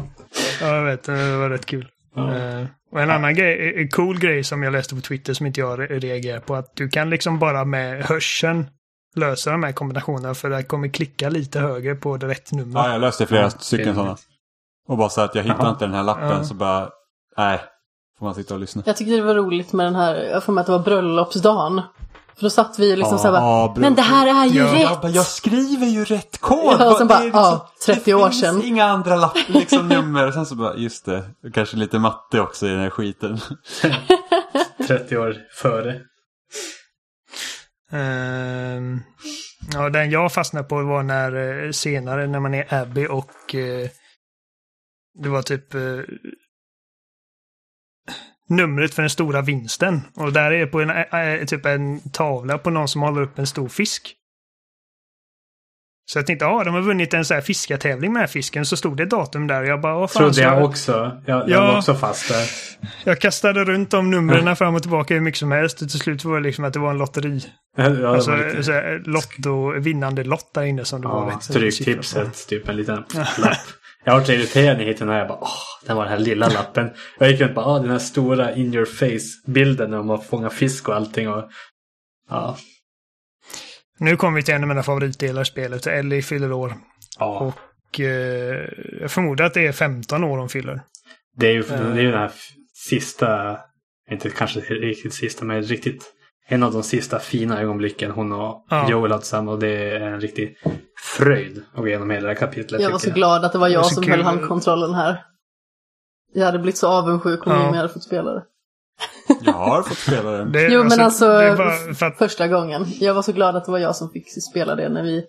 Nu spelar ju du igenom det och tar liksom samlar objekt och sådär. Nu är jag ju inte en aktiv spelare utan nu sitter jag ju och smygkikar medan jag spelar den 136 timmen i Nino Kuni eller något sånt.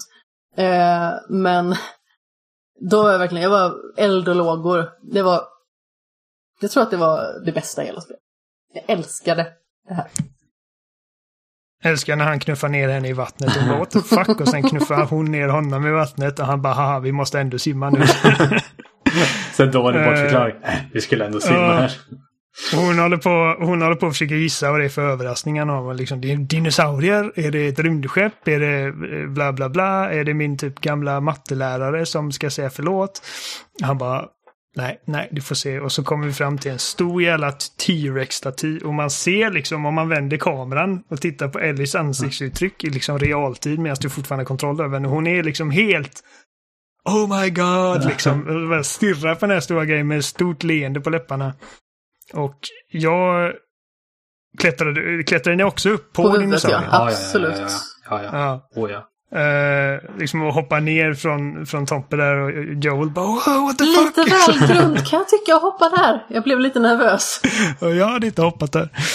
Ehm, och så kommer de in i det här museet och det är liksom massa typ skelett och liksom så här eh, statyer och det är ascoolt och hon går runt med en guidebok. Och Ja, och de gör passningar till, passningar till Jurassic Park. Jätteroligt också. Ja. Va, Ja. Jag såg det här eh, i en film en gång om de här små dinosaurierna. Den borde vi se någon gång. Man bara oh, oh, oh, oh. Först det här är en Velociraptor. Och hon bara, nej det är en Deinonychus. Hon bara, "Ja, de, het, de liksom hette så i den här filmen jag Ja, såg. precis. Och jag kommer ihåg när jag såg Jurassic Park, för att jag älskar dinosaurier. När jag såg Jurassic Park som typ fyraåring så eh, reagerade jag på att Velociraptorer är inte så stora. Det här ser mer ut som en Deinonychus. Jävla nörd.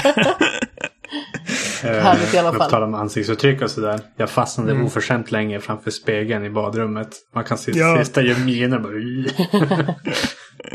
Ja, kul. Eh, och det är bara liksom så jävla trevligt att se de här liksom karaktärerna bara få existera utan massa konflikt, utan liksom att vara liksom under hot av marodörer och banditer och zombies. Liksom att bara liksom få vara den liksom far och dotter som de vid det här laget har blivit.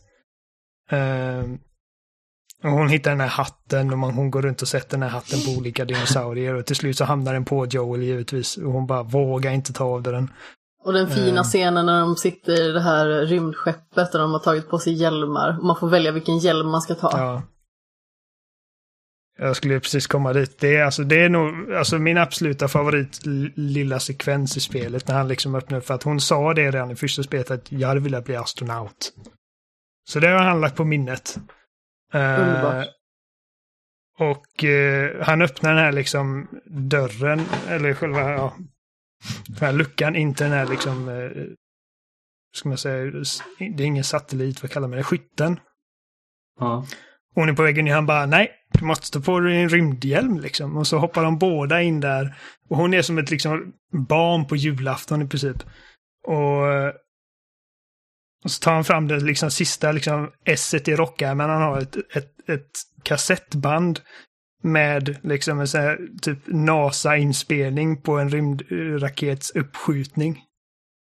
Så han säger blunda typ och liksom hon sätter på sig hörlurarna och lyssnar på den här liksom typ nedräkningen. Och liksom allting annat försvinner och hon liksom sitter i den här raketen och liksom det skakar och hon liksom... Det är bara så jävla fin jävla... Alltså jag- nu nästan så liksom... Nästan så jag börjar lipa liksom och bara Joel tittar på henne med största jävla liksom leendet på läpparna. Och han säger typ Så hur, liksom, hur skötte jag mig? Hon bara, are you fucking kidding me? Hon är riktigt ful i munnen är hon. Ehm, Det är väl här hon får en liten pin med en, rygg, eh, med en eh, rymdraket på också som hon har på sin ryggsäck. precis, när han kommer ut där så sätter, han- sätter han en sån pin, liksom välkommen till eh, typ astronautyrket eller vad det är han säger. Bara en sån jävla vacker jävla scen. Ehm, och de slutar väl typ med någonting att eh, det är någon annan del av museet som, som hon vill utforska och där springer hon på ett vildsvin eller någonting. Ja, alltså de separeras ju. mm. Jag vet inte, jag kommer inte ihåg exakt. Det är väl att hon ska gå in och öppna någonstans. Eh, och jag höll ju på att skita knäck. När man blev skrämd De av det här ut massa- vildsvinet. De lägger massa ammo och flaskor och sånt överallt som jag inser bara nu kommer det komma någonting här. Nu ska jag vara beredd på när det kommer någonting. Man springer även på ett lik som har någon lapp där också. Eh, Så jag är bara helt inställd hela den här tiden på att nu kommer det komma några jävla... Blodiga meddelanden på väggarna och sånt. Ja, Är, är det här som eh, de liksom hittar någon som har typ skrivit liars med graffiti över typ... ja, jag tror det var där. Över Fireflies. Ja, det vill jag minnas. Jag kommer inte ihåg det även. Uh, och det är liksom som Joel bara, okej okay, det roliga är över, nu måste vi hem. Ungefär som att han vill inte att hon ska tänka så mycket på Fireflies. För att liksom, han vill inte gräva, gräva i det där, liksom. Ja. Uh, och sen är vi tillbaka, dag två i Seattle och uh, de hör över radion. Uh, Dina och Ellie, de ber om ursäkt för att de liksom typ uh, dummar sig dagen ja. innan. Uh, men de kom överens om att Dina borde förmodligen stanna här i säkerhet för att hon mår inte så bra, hon spyr. Det är också Dina som har fixat radion. Precis, Dina har fixat radion och de hör liksom att, eller hon berättar att de, de har pratat om en manlig liksom intruder i sektor 14 13 eller någon sån här skit och hon har liksom lyckats lista ut ungefär vart på kartan det här borde vara och det är liksom, det är förmodligen Tommy de pratar om, det måste vara Tommy. Så Ellie kommer till det här liksom bostadsområdet, Hillscrest, där vi introduceras till hundarna och det händer, liksom rent storymässigt händer inte så jävla mycket här utan hon liksom dödar allt i sin väg. Eh, fram tills det eskalerar och blir jagad och hon möter upp Jessie. Och det är här liksom den scenen i trailern som de, har, de, de hade ersatt med Joel. Uh, men det är Jesse som liksom lägger handen över munnen och säger typ att uh, trodde att jag skulle låta dig göra det här själv. Uh, och uh, de hittar en bil. Och de liksom dödar de snubbarna där och så försöker de starta bilen och det tar inte lång tid innan han kör rätt ner i, i en, i en flod eller fan det är. Eh, till hans försvar så var de faktiskt under beskjutning också. Kan ha haft eh, lite men de kommer med tillbaka. det att göra. Bara lite. ja. Eh, de kommer tillbaka till eh, till bion för de, de hann liksom inte ikapp eh, Tommy och de liksom, det blev alldeles för, alldeles för hett med Wolves. Eh, så eh, dina och Jesse möts upp. De, Jesse är lite skadad så Dina pysslar om henne och man ser att liksom Ellie kanske känner sig lite utanför. Inte nog med att eh, de är liksom före detta par, utan hon vet också liksom att de här två ska bli föräldrar och hon har liksom inte en del av det riktigt. Så hon liksom lämnar dem och vi kommer till vår nästa Flashback två år tidigare när Ellie och Tommy skjuter infekter och hon försöker liksom få lära sig sniperskytte lite. Uh, Också väldigt roligt. Och Tommy vädjar. Ja. Uh, och Tommy vädjar till Ellie om att liksom prata mer med Joel för, för att liksom ifall du inte har några problem med honom men inte pratar med honom så kommer han liksom förmoda det värsta och det kommer liksom inte leda till något. Så liksom snälla bara ansträng dig lite. Och han säger ja, ja, och så kommer hon ner till, eh, till Joel där han sitter typ på ett fik och fan det är med en gitarr. Och de snackar om att de skulle behöva gitarrsträngar så Joel och Ellie ger sig vidare till en gitarraffär som är i närheten och det blir lite komplicerat. De måste genom, gena genom ett gammalt hotell och det är fullt med infekter där och eh, det slutar med att de stöter på två lik.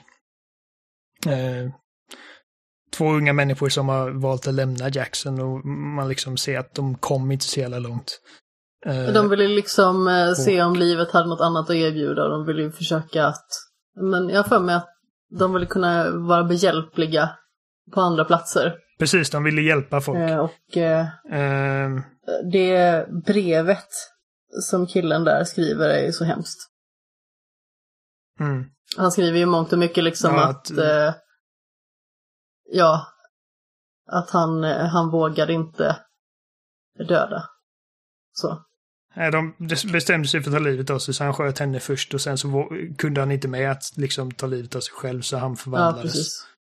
Ja, uh, och det är här som Ellie börjar pressa Joe lite mer om vad som hände på sjukhuset. Liksom, uh, och han är inte intresserad av att liksom gräva djupare i detta för han känner liksom att uh, det här, det här kommer inte komma något gott av detta så han liksom sätter stopp för det i princip. Han säger Ellie liksom, jag vet att du önskar att det var annorlunda, jag önskar att det var annorlunda, men det är det inte. Och så liksom struntar de i gitarrsträngarna och så går de tillbaka. Jag var lite princip. besviken på det. Jag ville ju till musikaffären. Ja, eller? Jag med. Eh, nu är det dag tre tror jag va? Ja, det vill jag minnas. Ja. Jag kommer inte ihåg exakt hur, men Ellie får reda på att eh, en av de här människorna, Nora, är på sjukhuset. Och eh, hon eh, tror hon går iväg själv va? Ja, Ellie är själv när hon går till sjukhuset. Ja. Mm. Eh, på vägen dit så möter man eh, de här liksom jätteläskiga typ eh, scars. Och det var, först, det var enda gången som jag verkligen blev rädd i spelet. När den här visslingen kom och Första pilen pil, sätter sig rätt i ja. axeln. Där sket jag nästan ner mig. Jag var inte beredd på det. Och det är någonting som är så jävla creepy med liksom massa typ fanatiker som inte kommunicerar med varandra. Så att man vet inte vart man har dem eller vad de tänker utan de bara visslar. Eh, jävligt effektivt för att liksom liksom få dem att stå ut från mängden av alla andra liksom sinnessjuka mördare. Ehm, Ja men verkligen, de är extremt Men till slut så kom man. Ja. Eh, alla, alla män är rakade och alla kvinnor har samma liksom så här typ lejakrans. De, och de har typ någon profet. Eh, som snackar om typ kärlek och bla bla och det är typ, ja, alltså det är, det är en kult i princip. En kvinnlig Ehm, konstock. Ja, men eh, baserat på vad vi fick reda om henne, eh, eller vad vi får reda på henne om henne, så, så, så verkar det som att hon var en väldigt sansad och fredig person som sen liksom folk har använt för att, liksom använt orden för att för, förvränga hennes avsikter Ja men det är ju i mångt och mycket Eh. som det är i verkligheten att eh, personer som får ett följe har en viss typ av intentioner men sedan finns det alltid fanatiker som eh, vrider och vänder på olika typer av delar som den personen har förtäljt Mm. för att liksom kunna utnyttja det till ja, men, eh, hemskheter och dylikt. Förvränga det för att kunna passa deras syfte. Precis. Eh, så nu är vi på väg mot Nora i sjukhuset och uh, alltså, vi har inte gått igenom allting men vid det här laget så har Ellie redan dödat ett gäng av de som var där dagen då Joel dog. Eh, och uh, till slut kommer man till sjukhuset och det är liksom man kämpar sig fram. eh, för det är massa vakter och skit där. Men man eh, konfronterar eh, Nora och hon lyckas liksom komma undan så hon börjar springa och man jagar henne genom sjukhuset. Och... Eh, nej. Vänta lite. Det, det, som, det som initierar jakten är att... Eller fråga Nora vart Ab- Abby är. Hon säger att hon vet inte. Och eh, till slut så säger Nora någonting i stil med att Kommer du ihåg hans skrik? Och Ellie bara, va? Eh, bara, det gör jag. Ja, den lilla bitchen fick vad han förtjänade och eh, det får Ellie att tappa fattningen och liksom bara you fucking cunt säger hon och så typ flyger på henne och då tar Nora chansen att liksom komma undan. Man jagar efter henne. Och man kommer liksom, alltså det är vakter efter henne och man kommer till eh, ett golv som har kollapsat i princip och där står Nora liksom och märker att hon vill inte hoppa ner där. Eh, och det visar sig att det är för att det är massa sporer där nere så Ellie Alltså hon är immun så att hon bara tar Nora liksom, det är massa vakter som står och pekar på henne med sina gevär. Och Ellie tar Nora och slänger sig ner. Vilket ger Nora liksom en döds, eh, dödsdom i princip. Hon krabblar iväg och medans och Ellie har liksom dödat de vakterna som följer efter ner med gasmasker då så... Ursäkta, jag rapar. Eh, så konfronterar hon henne igen då liksom. Och hon sitter där liksom hostar och hon bara... Och det, är nu hon inser liksom att åh, det är hon liksom. Den immuna typ. Eh, vilket ger oss en liten hint om att okej, hon har i alla fall hört talas om Ellie. Eh, och hon säger att jag tänker inte, liksom jag är död oavsett, jag tänker inte liksom ge upp min kompis, vad, vad kan du göra? Ellie säger typ att jag kan göra det långsamt eller snabbt typ. Ja, jag kan göra det så mycket värre, säger hon. Ja. Och Ellie... Några säger nej, jag tänker inte ge dig någonting. Och Ellie börjar liksom slå henne med ett järnrör. Eh, Och vi får inte här- se hela den. I den scenen då ser man verkligen ilskan i Ellis ansikte. Ja, Och jag, hatet. och jag, och jag tänkte först bara, ah, om man inte trycker fyrkant då kanske hon inte slår. Så tänkte jag att hon ska, inte skulle... För efter första smällen, jag bara okej. hon fick ordentligt med stryk. Där man hörde ont den där första smällen gjorde. Så var en bild på bara tryck fyrkant. Och ser man Ellis face bara så jäkla hatisk. Jag bara, ah, jag vill inte trycka en gång Ja. till. Och sen bara, det händer ingenting om man låter bli. Utan man står bara och stirrar på Arjen här. Jag bara, Ja. okej. Så bara punk när ljudet igen. Eh, Så hon, hon väl liksom eh, hon går verkligen uh, ham på henne. ja. Och eh, så hoppar vi fram när hon står utanför eh, teatern igen med blod, eh, blodiga, skakiga knogar. Och hon berättar för eh, Dina att eh, liksom jag, jag fick henne att prata liksom till slut. Eh, och eh, Abby är på eh, vid ett akvarium. Eh, typ Seaworld-aktigt akvarium. Um, vi får en liten scen när Dina liksom eh, rengör Ellis sargade kropp. Um, och det är då hon säger I made her talk. Uh, liksom att ja, det var inte lätt. Alltså det var, det var, det var brutalt, får man intrycket av, även om man inte fick se allting. Uh, nu vi får nästa Flashback, två år tidigare, och eh, vi befinner oss i sjukhuset där mänskligheten kunde ha räddats. Eh, och hon hittar en inspelning där de i princip säger att även om, om, även om vi hittar henne eller någon annan som är immun så spelar det ingen roll längre för den enda som kunde skapa ett vaccin är död. Vilket ger Ella all den informationen som hon behöver liksom för att okej. Det, han har inte varit ärlig mot mig. Joel kommer ridande och bara, liksom bara, Ellie, typ, är du okej liksom? Du skrämde skiten nu, men du kan inte bara liksom sticka iväg sådär.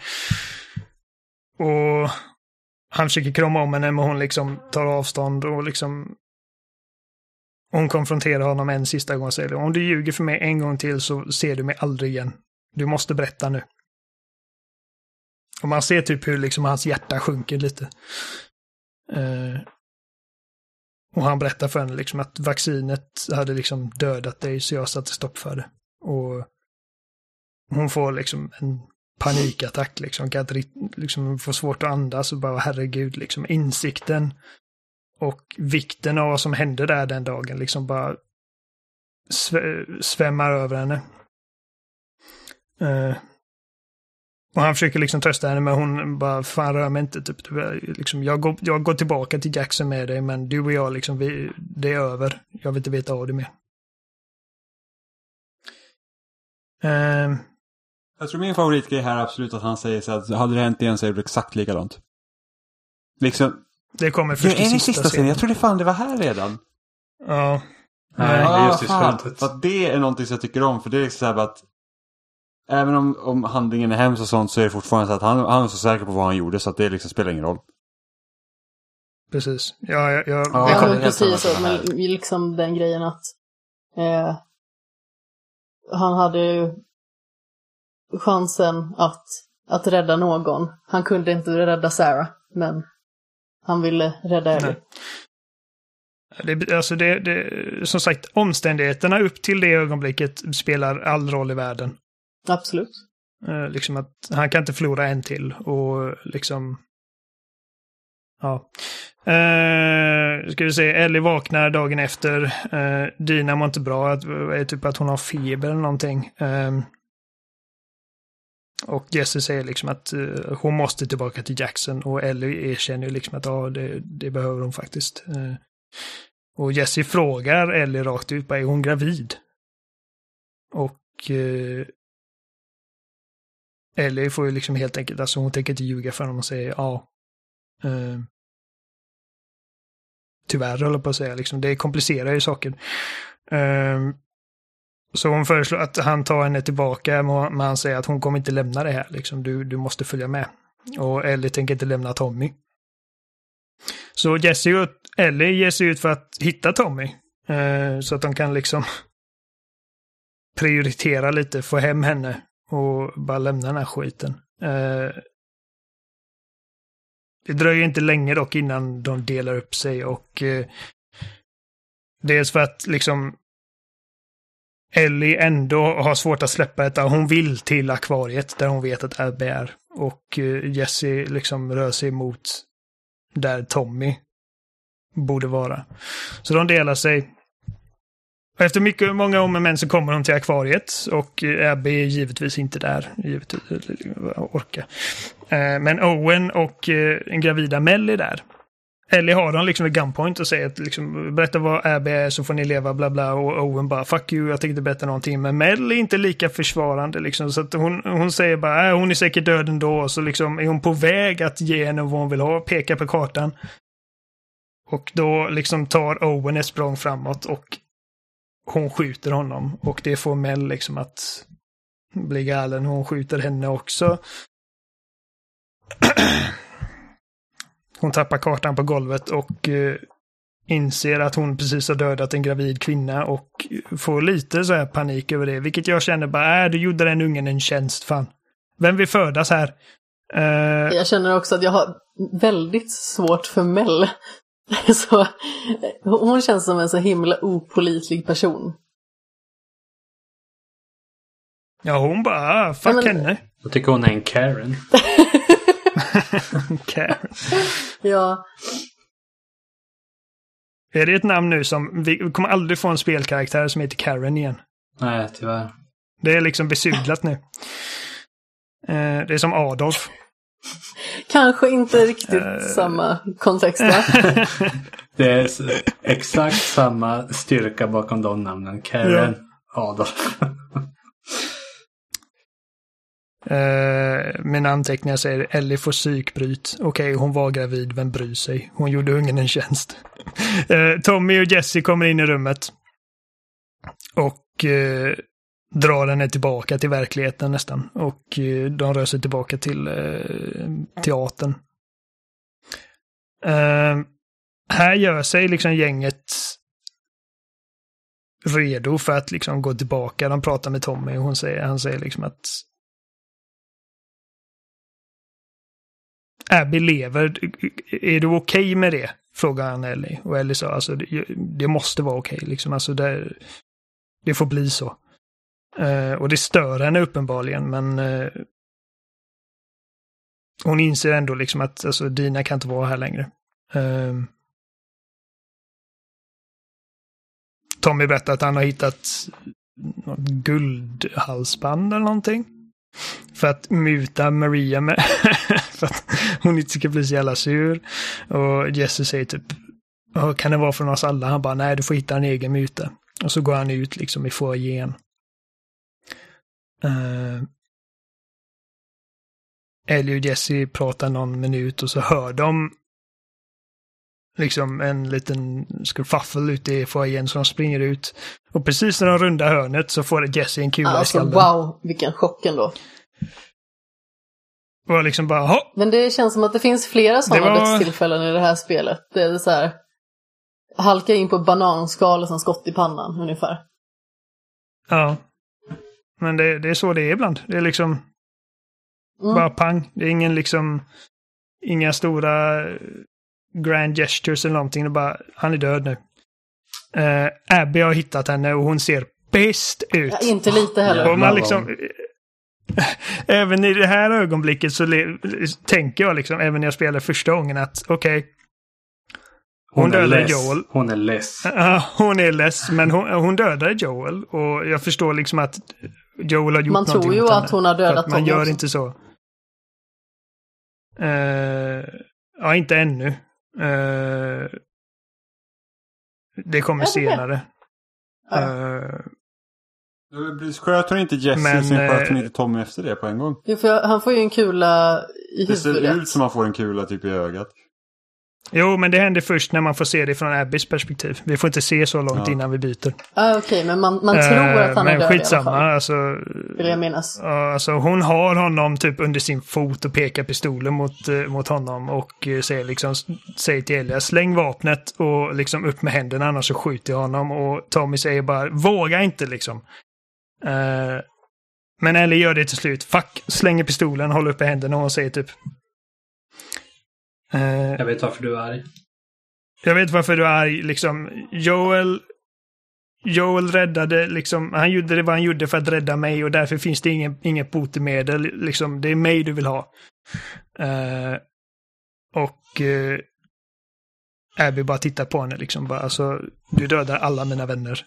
Eh, vi lät er leva och liksom ni slösade bort det. Och det är då vi får Abby dag ett i Seattle. Med det här lag, laget var inte jag jättenöjd för att jag var så spänd på att få se den här konfrontationen utspela sig och så liksom ska vi gå tillbaka i tiden och se det från Abbys perspektiv och jag Men bara... vi trodde- "Ah, jag känner vi inte trodde riktigt att för det skulle vara detta. betydligt kortare. Ja, alltså när, när man spelar som Abby och tänkte jag att nu är det en kort mellansekvens, alltså en del med Abby och sen får vi fortsätta som Ellie igen. Ja, jag tänkte liksom att nu får Precis. vi plocka de viktigaste russinen Just det, det är ju någonstans. inte dag ett i Seattle vi får se. Vi får se henne när hon är Ja. yngre. Men liksom även sen när man kommer till Eh. Seattle dag ett med Abby. Sen var det så här, jag bara, men det kanske är bara kort. Och sen så öppnar jag väskan och bara så här. Det är en massa saker uppgraderade här. Ja. Eh, men även i det ögonblicket så vet jag liksom alltså Abby har, har ingen anledning att låta Ellie och Tommy överleva här liksom. För att hon gav dem chansen, alltså hon dödade inte dem. Och nu har de kommit och dödat alla hon känner. Va, hur i helvete ska Ellie och Tommy komma ut från detta vid liv tänkte jag. Det, är ju kört för dem nu. Uh, vilket oroade mig, särskilt med tanke på att man inser att okej, Abby är vår protagonist nu. Det här är liksom inte bara en liten flashback vi ser från hennes perspektiv, och vilket gav mig ännu mindre hopp om att Ellie skulle, skulle överleva. Jag tänkte nu, Last of Us är Abbys serie nu, tänkte jag. uh, och det visar sig här liksom att Last of Us Part 2 är lika mycket Abbys historia som den är Ellis. Uh, så vi får se när hon är yngre och eh, letar efter sin pappa i en skog och det visar sig att uh, man hittar, han är en veterinär eller någonting och uh, eller han kanske till och med är något ännu mer avancerat. Men han, han letar efter en zebra eller ett djur. Så man spårar det här djuret och man ser liksom att åh, här har, här har eh, ett djur liksom fött en unga av något slag för det är en jävla röra. och vi vet inte vad det är vi jagar men till slut så ser vi liksom att det är en zebra som sitter fast i massa, eh, massa taggtråd. Och nu fattar jag med en gång liksom, okej, vi är Salt Lake City för att de hade ett zoo där. Det finns zebror här precis som det fanns Precis. giraffer. Den parallellen tog inte jag där.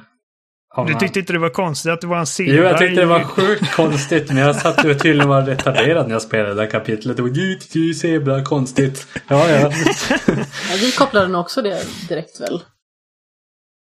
Jimmy nickar för protokollets Ja, skull. men, varför skulle det vara en zebra annars? Det är, ja. eh, så de, de lyckas få loss den här stackars zebran och eh, den återförenas med sin unge. Och, liksom, vi får bilden av att liksom, hennes pappa var en liksom, väldigt vårdande, omtänksam människa. Liksom, de har en bra relation. Alltså, han älskar henne, hon älskar honom. De har det bra här. Eh, och så kommer Owen och säger typ att ah, liksom, när tjejen har kommit fram och de behöver dig. Och eh, nu ser vi sjukhuset.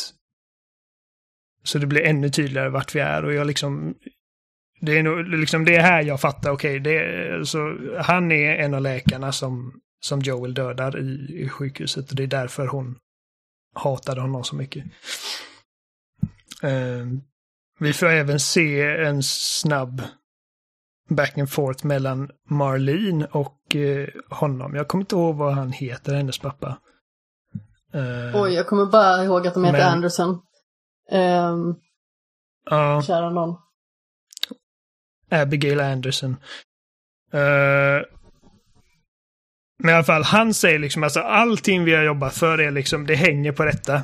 Och Marlene är tveksam till en början liksom, alltså detta är typ, alltså jag har känt henne som hon var liten.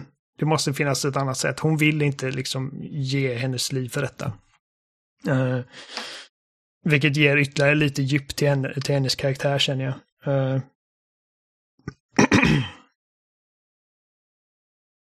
Hon frågar till slut om detta var Abby. Hade du varit lika säker på vad du skulle göra då? Och han säger ingenting. För att jag känner liksom i det ögonblicket så är han bara glad över att det inte är Abby för att han behöver inte göra det valet. Jerry heter han. Eh, Jerry, ja precis. Abby kommer in i rummet och uh, Marlene liksom låter sig övertalas då, liksom motvilligt. Okej, okay, ja. Uh, jag preppar henne, jag måste gå och berätta för Joel. Uh, vilket jag antar är liksom varför Abby också vet vad han heter. Uh, Abby säger någonting i stil med att uh, om det var jag så hade jag velat att du skulle göra det. Och han liksom bara lägger armen runt henne och liksom återigen bara, åh fan vad skönt att det inte är min unge. uh, ja, han kan ju någonstans sätta sig in i situationen i och med att Abby och Ellie är ju i mångt och mycket i samma ålder.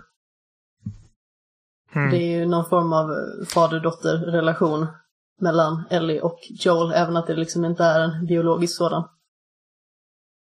Precis, vi får se allting från andra perspektivet. Och i Abbys berättelse så är ju liksom... Alltså, hennes pappa är vad Joel är för Ellie vid det här laget och Joel är skurken.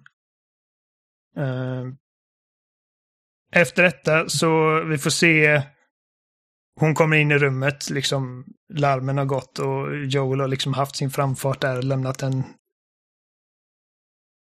liksom som jag säger, impressive body count efter sig om man säger så.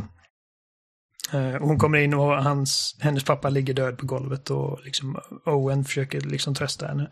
Och det är nu vi får se Joels avrättning ur Abbys synvinkel. Uh, och nu kan vi faktiskt höra vad de säger. Eftersom att det inte är Ellis chockerade perspektiv. Uh, det debatterar om huruvida de borde döda Ellie och Tommy också. Uh, men det är Owen som sätter ner foten och säger att nej, då är vi inte bättre än dem eller honom. Uh, vi har gjort vad vi kom för, vi, liksom nu sticker vi. Och det är nu då Seattle Day One ur Abbys perspektiv. Vi får se liksom hur deras operation ser ut lite. De, är, de håller till i en stor liksom, stadion. Ja, precis. En idrottsarena helt enkelt. Precis. Och eh, vi presenteras för Manny. Eh, det enda vi fick se av honom var att han kallade, eh, kallade Joel för puta och spottade på honom. Han kallar för något annat. Jag kommer inte ihåg vad... Det är oviktigt. ja. De, eh, man får gå runt och liksom bekanta sig lite med hur situationen ser ut från Wolfs sida. Det är massor av folk, alltså eh, en jävla massa folk. Uh, som, de käkar en burrito, hon och uh, Manny. Uh, och de ska ut på någon patrull eller någonting antar jag och Manny säger att Mel ska med och Abby är inte jättenöjd över detta för att hon känner liksom att hon och Mel är inte direkt jättetajta och Mel har varit lite konstig sen vad som hände i Jackson. Får jag bara göra en inflikning? Men Visst, Stefan sa du att han kallade, eller att han blev kallad för något annat? Var det pendejo? Ja. Ja, jag har för mig att det var det. Det är möjligt, ja eller precis. Ja, jag är inte så jättebra på la latina språk. Ja. Men eh, något i den stilen, vilket betyder liksom idiot. Eller något sånt. Jag hade sagt din jävel. Ja. De går ut till Kennen där vi ser att oh, här är deras förråd av hundar. Och eh, min anteckning här är man kan klappa hundarna vilket gör detta till ett bättre spel än Animal Crossing by default. Alltså Pet Simulator 2020. Jag var på att kasta boll och klappa. Blicken man får den där ja. hunden. Han bara oh, som pets ja, please. Alltså, man bara, jag, jag, kan inte säga nej till dig. Alice heter hon va? Nej, det tog tid innan jag kunde, innan jag kunde, precis Alice. Eller nej, Alice är den som följer med dem. Den andra hunden. Man kastar bollen med den ah, andra hunden. Det var Alice jag tänkte på. Uh, Alice är min favoritkaraktär i spelet. Uh, men uh, som sagt, jag stod där säkert tio minuter och kastade hela bollen. Vi hade ett hjärta att gå därifrån. Uh, men de ger sig ut till slut i alla fall. Så det är Abby, Mel och uh, Manny och Alice. De kör ut i en typ bil. Och de blir snabbt angripna av av uh, Scars. De kallas Seraphites eh, är ju deras riktiga namn, men, men de kallar dem Scars för att de har sådana R längs, så här Joker-R nästan av någon anledning. Jag kommer inte ihåg om man får reda på varför de skär sig så.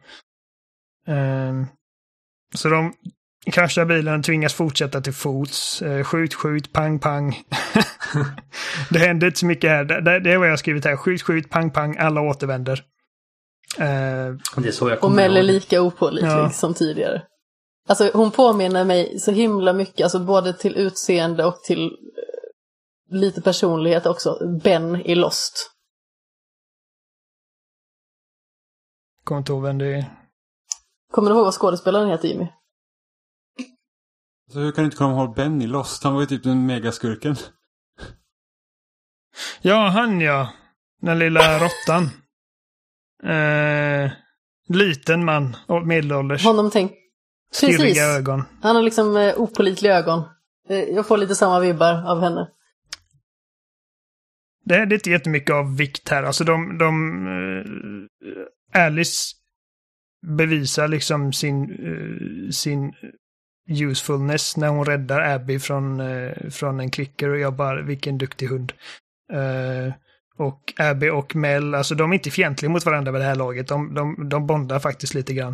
Eh, Men man Och, vet ju också eh, att Abby har varit tillsammans med Owen tidigare. Owen som alltså är pappan till Mels barn. Ja, alltså de har inte sagt det rakt ut, men baserat på vad de har liksom, hur de ja, men har åker interagerat med varandra tillbakablicken så tidigare. blir det ju väldigt uppenbart att det finns romantiska känslor. Ja, just det. Ja, just det. Hennes pappa säger till och med att, uh, ja, hur går det med, med Owen? Precis. Uh, nu ska vi se. Ja, men alltså de, de hamnar i massa trubbel med Scars och till slut så får de liksom eh, backup av uh, Wolves och de får liksom skjuts tillbaka till, eller inte tillbaka till stadion, jag tror att det är ett annat ställe dit de var på väg från början. Eh, headquarters, där deras ledare är. Eh, vad var det han hette? Isaac. Ja. Som spelas av den briljanta Jeffrey Wright. Som ska spela Commissioner Gordon i nästa Batman-film. Det, det ser man. Eh, den enda som, eh, alltså det är bara Nora som får typ ett skott i axeln. Eh, de andra klarar sig ganska bra så hon åker till, liksom, eh, till sjukan och blir omplåstrad. Och eh, Nora kommer för att visa Abby och Manny eh, Dannys lik. Som enligt utsago skyllde skottskadan på Owen som nu saknas. Och det är nu vi möts upp med Isaac och Isaac berättar att han planerar en stor räd, liksom alltså typ det sista liksom slaget att avgöra kriget mellan de här två fra- fraktionerna. Eh, och han vill, han vill ha Abby och Manny på frontlinjen, vilket liksom visar typ ändå vilken status Abby har i det här gänget. Ja, alltså hon är Eh, ju en eh, Alla känner riktig Abby. eh, kraftkälla. Och jag, jag gillar ändå när Ja. man får gå runt här i stadion eh, och man får lite andra vibbar av Abby. Alltså även att såklart att hon har ju liksom kanske haft det tufft och sådär. Eh, och hon har ju kanske inte riktigt den mest positiva personan så. Så får man ändå se en liten annan bild av henne. Och framförallt när man får se i tillbakablicken, jag älskade det med henne och hennes pappa. Eh, att man får se en annan bild av Abby. Och liksom få etablera att hon är liksom ingen ond person. Precis, och det är som sagt, alltså jag fick ju den känslan även innan att bara på de minuter vi fick se av henne och Owen och deras grupp innan hon dödade Joel så var det liksom att det här är inte onda människor. Uh, hon har blivit liksom felad av honom och uh, jag menar, och innan, innan detta så det enda vi vet om Abby är, är ju i princip att hon hatar Joel av någon anledning och hon dödar honom och vi älskar Joel så hon blir liksom skurken i dramat. Men nu när vi får liksom iträda hennes roll och det var det här jag menar med känslomässigt utmanande. Att det är liksom spelet tvingar in dig liksom i, i Ett läge där man måste acceptera vad Joel har gjort på ett helt annat sätt än vad man gjort tidigare. Men precis. Det, det är lite den här typ, eh, alltså... om, eh, alltså vi får se liksom Joffrey hugga huvudet av eh, Edward Stark och sen måste vi liksom se allting från Joffreys perspektiv och lära oss att uppskatta honom lite. Alltså det, det är en dålig jämförelse men ni förstår vad jag menar liksom att det, det vänder ut och in på hela den dynamiken. För att eh, jag var inte förtjust i Abby till en början men det är för att precis som ur Ellis perspektiv att hon dödar någon som Ja, betyder precis, väldigt din mycket för jävla mig. jävel, vad sysslar du med? Så, ja, så fan ta henne. Jag skiter i vad hennes anledning var. Men, Hytten men fan ta näven. henne, liksom. Jag vill döda henne. Ja, eh, och helt plötsligt så är, liksom, är det hennes berättelse och vi tvingas se det från hennes perspektiv och det är liksom... Det var det jag menar med utmanande förut. Inte liksom att, eh, åh vad hemskt att jag dödade alla de här, utan liksom att eh, jag utmanas till att liksom försöka sympatisera med någon som jag från början ville hata. Ja, Jag, jag, jag, jag tror jag gillade Abby ganska tidigt. Jag var inte, hade inget emot att vi spelade som henne. Ja, vi satt ju och Ja, knivade Amanda bara, som jag det. gillar inte henne. Jag bara, äh, jag har ingenting emot att vi spelar som Abby liksom. Jag var ju not amused Men jag tror det jag gillar, det jag gillar bäst med Abbys del egentligen det är eh, Det är hur lite Ellis liksom eh, hämndresa betyder för henne egentligen. För att när man spelar som Ellie hela tiden trodde jag liksom att Abby undviker oss för hon vet att vi är där. Jag var helt säker, Ja. jag var helt övertygad. Nej men hon Precis. har liksom flytt dit för att nu vet hon att det är någon som plockar av oss som flugor här. Det är liksom så här, Abby måste fly. Och när man spelar som Abby, hon har ingen aning om att Ellie är där. Man får höra typ sen typ att någon liksom, Nej. något håller på att hända men liksom ingen är verkligen så att det är liksom Hela Ellis grej är ju helt meningslös. Alltså verkligen totalt meningslös. Det, liksom, det spelar ingen roll för de här personerna för att de har ingen aning. Så att det är liksom hela den här liksom, bilden vi har byggt upp. Liksom när vi har spelat som Ellie, liksom att ah, vi ska efter den här och hon bara undviker oss och vilken fegis och liksom du vet all det här grejerna som vi projicerar. Det är faktiskt det vi gör, vi projicerar. För att det, det liksom spelar ingen roll. Så att, att, Precis. liksom, så att, Och det, det är också en del av vad jag menar, liksom att våran perception av situationen utmanas. Eh, och eh, jag menar så här i efterhand, men jag, jag har inga som helst problem att det, halva spelet är Abbys spel. Det var liksom, alltså, första, första reaktionen var liksom att, ja, när det liksom äntligen eskalerar ska vi liksom sakta, sakta tillbaka igen. Och alltså, att jag från början är liksom, de enda jag bryr mig om är Ellie och Joel. Men liksom, spelet lärde mig att bry mig om även om, äh, äh, även om Abby. Vilket är liksom, jag tycker det är imponerande. Även jag Eh, gjorde ju det till slut. Särskilt med tanke på hur vi introduceras. Ja, särskilt med tanke på liksom hur vi introduceras för Abby. För att det är ju inte onormalt att man introducerar nya karaktärer till etablerade spelserier som man sen liksom lär sig att tycka om. Det händer ju hela tiden, men det är inte ofta det görs att man introduceras för karaktären på liksom det mest horribla sättet. Liksom de tar bort allt du älskar i princip med en golfklubba. Och sen ska du lära dig att tycka om henne. Det är liksom, alltså det är verkligen en utmaning att göra. Eh, men i vilket fall som helst, Abby vill liksom hitta Owen för att hon poängterar för Isaac att han hade inte gjort detta, det är inte likt honom, låt mig hitta honom, jag är tillbaka innan räden startar. Men han bara nej. Ifall han kommer tillbaka så ska jag låta honom, ska jag ge honom en chans att förklara sig, men du ska ingenstans. Eh, ny Flashback tre år tidigare. Owen och är, är ett par, Det sitter i ett pariserhjul och här får vi liksom ytterligare cementerat att Abby är riktigt rädd för höjder. Och det är ganska cool grej som spelet gör, att när man tittar ner liksom i, eh, från en höjd så kameran zoomar ut och man får lite vertigo. Det märkte jag redan i, eh, när man spelar i början. När man går vid någon, vid någon stupkant där. Eh, när man spelar som en första gången i snön. När man kollar ner då bara... Det är som att världen... Och hennes andning blir tyngre och liksom, Ja. hon gillar inte alls. Ehm, Owen liksom utmanar henne till att typ eh, sitta på kanten på, på den här pariserhjulet och han hoppar ner. Och eh, hon bara fuck liksom för att rädda honom för att hon ser honom inte under ytan så hon hoppar ner också. Eh, Som man gör. och han blir, ja, och han blir imponerad. Bara jävlar, du hoppar ner för att rädda mig trots att du är så jävla rädd. Och så liksom, jag ska visa dig någonting. Och det är då vi, de kommer till det här akvariet som vi var på förut. Eh, och här får vi utforska lite grann, det är liksom någon liten historia om typ en far som hade två barn som höll till det här akvariet. Eh, höll dem skyddade från omvärlden där och eh, hur den, liksom en, den, förmodligen den äldsta sonen till slut bara säger Fuck you, vi kan inte sitta här hela tiden, jag, jag joinar Scars.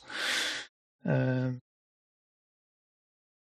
Men det är liksom det är lite mysigt, de typ har lite kul, de typ slidar ner för sådana här typ trappräcken och de pratar om eh, vad som är skillnaden mellan sjölejon och sälar och eh, till slut så får de faktiskt se en säl i en sån här typ kupolrum i princip. Och eh, det är på väg att bli hett. Men hon hejdar sig för att hon kan inte släppa Joel. Det liksom kommer i vägen för, för hennes liv i princip. Ah, tack. Prosit. Eh, hon tänker för mycket på honom och eh, det slutar med att hon liksom, för att under hela den här typ, ska man säga, eh, utflykten så liksom hon har liksom sagt att vi måste tillbaka, vi får inte missa någonting, bla bla. Han bara, men kom igen, vi lever lite. Så han är lite så här typ, bend the rules. Och hon är väldigt, hon gillar att följa Laglydig. Eh, precis. Eh, de gör också paralleller liksom med typ att ah, Scars är helt galna i huvudet och Owen bara, nej men alltså är de verkligen det? Men alltså folk tyckte vi var det när vi var Firefly, så hon bara, men vi var inte liksom cellets, vi typ. Vi var naiva. Han sa, men vi avrättade folk. Vi sprängde checkpoints. Hon bara, det är inte samma sak. Prata inte om det där när vi är i lägret. Och liksom han bara, okej. Okay. Så även Owen är liksom inte en dålig människa.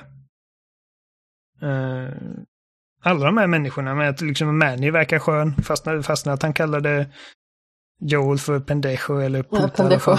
Uh, ja. Och hela tiden när vi ser detta, liksom, man får se Abbys liksom, relationer med de här människorna och det enda jag tänker på är att oh, honom har jag dödat, honom har jag dödat, henne har jag dödat, den hunden har jag dödat. För det är också, ja precis, hunden dödar Ellie i akvariet för att mm. hunden hoppar på henne. Om Manny var uh, från Göteborg, hade han kallat Joel för Tjomme då? Tjomme. Tjomme. Eh, nu är vi tillbaka då på Seattle Day One. Eh, och eh, Abby är övertygad om att Owen är på akvariet. Så eh, med hjälp av Manny så smyger hon ut och börjar röra sig dit. Eh, och inte för att gå in på för mycket detaljer, till slut så blir hon övermannad efter, så jag skrivit här, e-, efter en bra stund av knegande blir hon övermannad och knockad av När du säger Scars. knegande får jag liksom en bild av hur hon har stått med en såg i ett litet skjul. Ja. det har hon inte. Nu ska vi se. Det har hon inte. Hon har mulat fiender. Nej. Hon har mulat folk med sina bara knogar. Ja, wow, jag hade uh, inte velat stå i vägen för hennes knogar. Alltså. Jag Nej, är ju liksom ingen liten person och har ju ändå ganska så mycket muskler, åtminstone framförallt på benen. Men eh, där hade jag inte velat vara med. Nej, nej precis. Man, man har inte velat få en örfil av henne om man nej. säger så. Uh, ytterligare en flashback. Det är så jävla många flashbacks. Fyra månader tidigare. Abby hälsar på Owen, som nu är ihop med Nora. Uh, nej, Mel. I akvariet som Ja, Mel ja, precis, givetvis. Givetvis. Uh, I akvariet som nu är inrett för julen, det är jättemysigt. Och man ser att Owen är jättenöjd över sig själv. Uh, de har en liten så här typ uh, archery-tävling. Mycket som troligt. var rätt kul. Vann ni? Uh, ja, jag vann. Det var ju tjej Jimmy som spelade det, men det var kul att se vann. på. Det var det ja. viktigaste. och hon bara, upp med mitt namn på tavlan liksom. Han bara, jag fixar det sen. Hon bara, var du rädd för att Mel ska få reda på att jag var här? Han bara, nej hon bryr sig inte. Okej, jag skriver det. Och så frågan till slut, varför är du så på, på, så bra humör? Hon säger att jag har fått en lead. Uh, hon har fått reda på att uh, av några så gamla Fireflies att Tommy bor i Wyoming. Eh, Tommy kan förmodligen, liksom, vet förmodligen vart Joel är. Eh, och hon säger It's a lead I gotta see through. Och eh, Owen är inte jättesugen på att lämna allting för att åka till Wyoming för att kanske hitta Tommy som kanske vet, vet vart Joel är. Men han följer med eh, till synes av ren pliktkänsla. Nu är vi tillbaka till nutid. Det är nu jag tycker att Abbys historia blir riktigt intressant. Eh, Scargänget hänger upp henne eh, med ett rep. Vi introduceras till eh, eh, Yara. En av deras egna. Som de, de bryter armen på henne. De slår, slår, alltså krossar hennes arm med, eh, med en hammare. Ja, det är ju den här så. trailern man fick se. Precis. Eh, och eh, de liksom sparkar undan den här typ pallen under Abby så att... Nej, hon står på pallen fortfarande tror jag. Eh, och plötsligt så kommer det pilar ur liksom eh, de här busksnåren för att det regnar och det är helt kolsvart och det är liksom ute i, i skogen. Det enda som lyser upp någonting är facklor och det är så jävla snyggt belyst detta. Uh, Faktiskt. Ja. Uh, och det är det alltså Jaras bror Lev som uh, lyckas fälla två av de här liksom svinen och den tredje kärringen tar uh, Abby tag i. Hon liksom flänger sina ben runt henne och liksom knäcker nacken Med henne. låren! Eh, med låren, ja. Eh, och nu hänger hon där och håller på att kvävas, men Jara säger till Lev liksom att hugg ner henne. Och alltså det, typ det mest badass ögonblicket i hela, i hela spelet när liksom hon reser sig upp, tar upp en hammare och bara liksom står där och ser ut att vara liksom beredd att knäcka skallar som om det fanns ingen morgondag. Eh, hon ser arg ut och hon är blöt. Och hon har liksom, hon har inte sin väska med sig så hon är helt obeväpnad. Hon har bara den här lilla hammaren och det, liksom, det kommer zombies från alla håll. Och mellansekvensen blir liksom till gameplay och vi står där och liksom bara knäcker skallar med den här hammaren. Asnyggt. Alltså en av mina absoluta favoritdelar i spelet. Och vi springer liksom i den här hela skogen. Helt kolsvart och vi hör alla infekter jaga oss. Vi ser dem inte. Ascreepy. Eh, de, liksom den här nya trion då, de hjälps åt lite grann och de liksom eh, till slut tar de sig till, det ser nästan ut som en trailer park, så det är en massa sådana här trailers. Eh, där eh, Abby hjälper en att lägga en splint på Jaras arm. Och det är här de går skilda vägar i princip. Uh...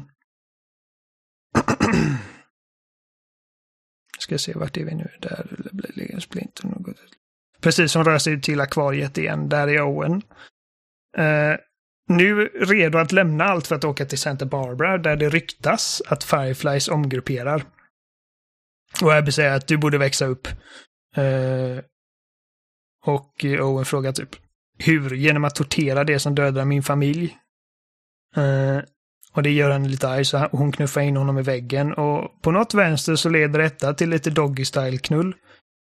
Uh, Alltid lika fin liksom, känsla Oliver. Det här var det inget idka älskog. Ja. Nej. Nej, men det här är liksom, det här är djuriskt. Det, det, det här var inte gulligt. Det här var, det här var bara liksom, mm, knoll. Eh, Precis, och eh, Abby drömmer nu om att hon är tillbaka till sjukhuset. Men när hon öppnar dörren så hänger Yara och Lev där. Och hon vaknar. Och det är nu vi är på Seattle Day 2. Så Abby lämnar eh, Owen i sängen och sticker ut för att eh, hämta Yara och Lev. Eh, för att hon kan liksom hon kan inte med gott samvete lämna dem där. Liksom. Hon märker att de är i trubbel. De, de, de är ju på flykt från sin egen grupp. Liksom. Ja, de ligger eh, pyr till. Hon, ja, hon hittar dem där och tar tillbaka den till akvariet. Och det är nu Mel dyker upp och eh, tar en titt på armen. Eh, och den behöver tyvärr amputeras. Eh, och de säger att alltså, det, tar alldeles för, det kommer ta för lång tid att ta oss till sjukhuset. Liksom, och hon har inte så lång tid. Men Lev säger att jag, vi, jag kan ta, ta oss dit på två timmar. Det visar sig att eh, de här Scarsen, Seraphites, de har liksom de har byggt massa makeshift broar av gammalt bråte för att liksom ta sig Alltså långt upp liksom uh, i byggnaderna för att ta sig runt utan att uh, Wolves uh, Ja, de har ju meckat ihop dem. lyftkranar och sådana grejer. Ja. Eh, och det är nu liksom, alltså nu är första gången i spelet som jag känner liksom att vi har en intressant liksom, eh, dynamik mellan karaktärerna. För att precis som Ellie och Joel var i första spelet så är Abby och Lev extremt olika. De kommer från typ helt olika världar. Eh, Lev vet inte vad sarkasm är. Hon använder inte, de får inte använda någon form av typ teknik. Så att det är liksom en sån här relation där de som sagt får varandra att växa, de utmanar varandra, de får, liksom, får olika perspektiv på saker och ting. Så det, det, jag tycker det funkade bra där. Uh, ska vi se. Du, du, du, du, du, du. Efter många om och men så, alltså, de har en, en ganska cool setpiece när man liksom bara ska gå över den här stora kranen och Abby får panik, alltså hon hatar detta.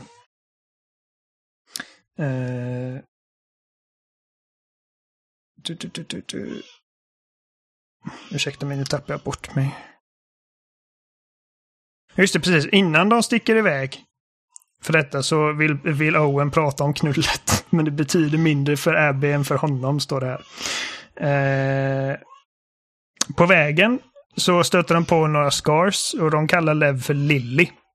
Vilket är vad en första eh, hint om varför hon är på flykt. Eh, oh, ursäkta mig. Han och hon. Eh, han är transsexuell. Eh, kunde man nästan lista ut där bara liksom med en gång. Eh, för att när Abby frågar tidigare liksom varför, varför de jagar de dig så säger, så säger han... Eh, sa hon igen? Ja, så säger han... Eh, fan vad dum jag är. Jag är så jävla dålig på detta. Eh, han säger för att jag rakade skallen och hon bara okej. Eh, du behöver inte berätta ifall du inte vill, men alltså det var ju det. Alltså, han, eh, han kände liksom att detta är vem jag är. Och det, liksom, det funkade inte för den här gruppen och det är därför de är efter, eh, efter honom och eh, hans syster. Och han vill ju vara en krigare Eh, precis som sin syster. klättrar... Ja, de har ju väldigt så här, typ, alltså kvinnorna är ju bara liksom att de ska bara liksom gifta sig med eh, och typ föröka sig. Eller i sig, det finns ju kvinnliga, kvinnliga skar som man dödar ute på fältet också. Men, men han sa någon, eh, jag tror Jara någonstans berättar senare att eh, de ville att Lev skulle gifta sig med någon gubbe. Eh, Lev hade inte ens något val i frågan. Uh, ja, de, de, är, de är dumma i huvudet där. Uh, de klättrar på några läskiga broar en mil över jord och faller ner genom glaset i en pool. Som tur var, som inte faller ner hela vägen ner på marken. Uh, och där måste de genom, genom det mest infekterade hotellet i världen. Uh, och när det kommer fram stannar Lev liksom bakom och Abby går fram för att liksom det är ju Wolf som eh, har kontroll över det här sjukhuset och eh, de känner Abby som säger stanna här, de kommer döda dig ifall de ser dig. Mig känner de. Men det går inte riktigt så för att eh, Isaac har tydligen efterlyst Abby så de arresterar henne. Och Abby kedjas fast. Fram till den punkten då Nora släpper loss henne i smyg. Abby berättar att hon behöver medicin för, eh, för Owen. Som har krossat en arm, så hon bänder lite på, eh, på sanningen där. Eh, och Nora berättar att allting som, förutom det som är i källan, är vidareskickat. Eh, så down we go. Och vi, Där är det liksom... vi introduceras till det bästa Resident Evil-spelet på länge sedan. Ja, där är det mycket infekterat skit. Alltså liksom sen, sen outbreaken i princip. De har muterat som fan och vi möter... Eh, de kallar den The Rat King. Jag tror inte de säger så i spelet men... Eh, I menyn där med i- modellerna står Red King. Mm, precis. Eh, Så det är liksom ett gäng infekterade som har legat och grott ihop i 25 år. Och här har jag skrivit liksom, svälter inte till slut? Alltså överlever de? Ifall de bara ligger där nere. De har kanske inte riktiga behov det på weird. det sättet utan de bara existerar ju någonstans. Nej, jag vet inte. Och sen så har de ju liksom gjort den här Ja. fusionen av flera olika typer av infekterade, vilket är fruktansvärt vidrigt. Jag typ kastade ju kontrollen på Jimmy här. Ja, Jag bara, det här gör Ja, inte den är jag. riktigt äcklig alltså. Eh, riktigt äcklig är den. Det är en jävligt cool fight tycker jag. Eh, men Abby lyckas döda den för att hon är typ Schwarzenegger. Eh, och eh, kommer ut där Lev väntar och så tar det båten utanför och så är det tillbaka i akvariet till slut. Och så väntar det på besked om ingreppet. Eh, och chefen Alice dyker upp. Eh, och Lev blir en hundmänniska på en sekund. Och det är liksom bara så jävla mysig för att eh, de...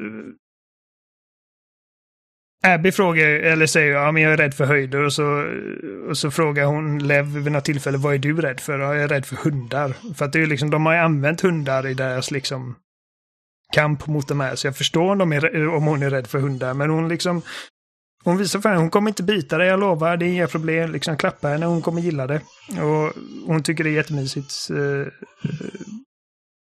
eh, Alice. Och Lev tycker också att det är liksom... Man, man, det ser ut som att, som sagt, hon blir en hundmänniska på en sekund. Eh, Owen kommer ut. Eh, berättar att Yara kommer klara sig och Lev kan gå in. Här hade vi en Mm. ganska så rolig eh, grej, för spelet eh, buggade ur lite grann.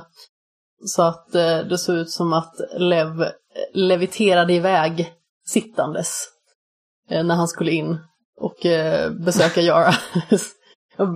ja, alltså jag var tvungen Okej. att göra den inputen för att det såg så himla roligt ut. Det var ju, alltså scenen kastar ju om sig så allt som var på vänster sida blir på höger sida. Tvärtom.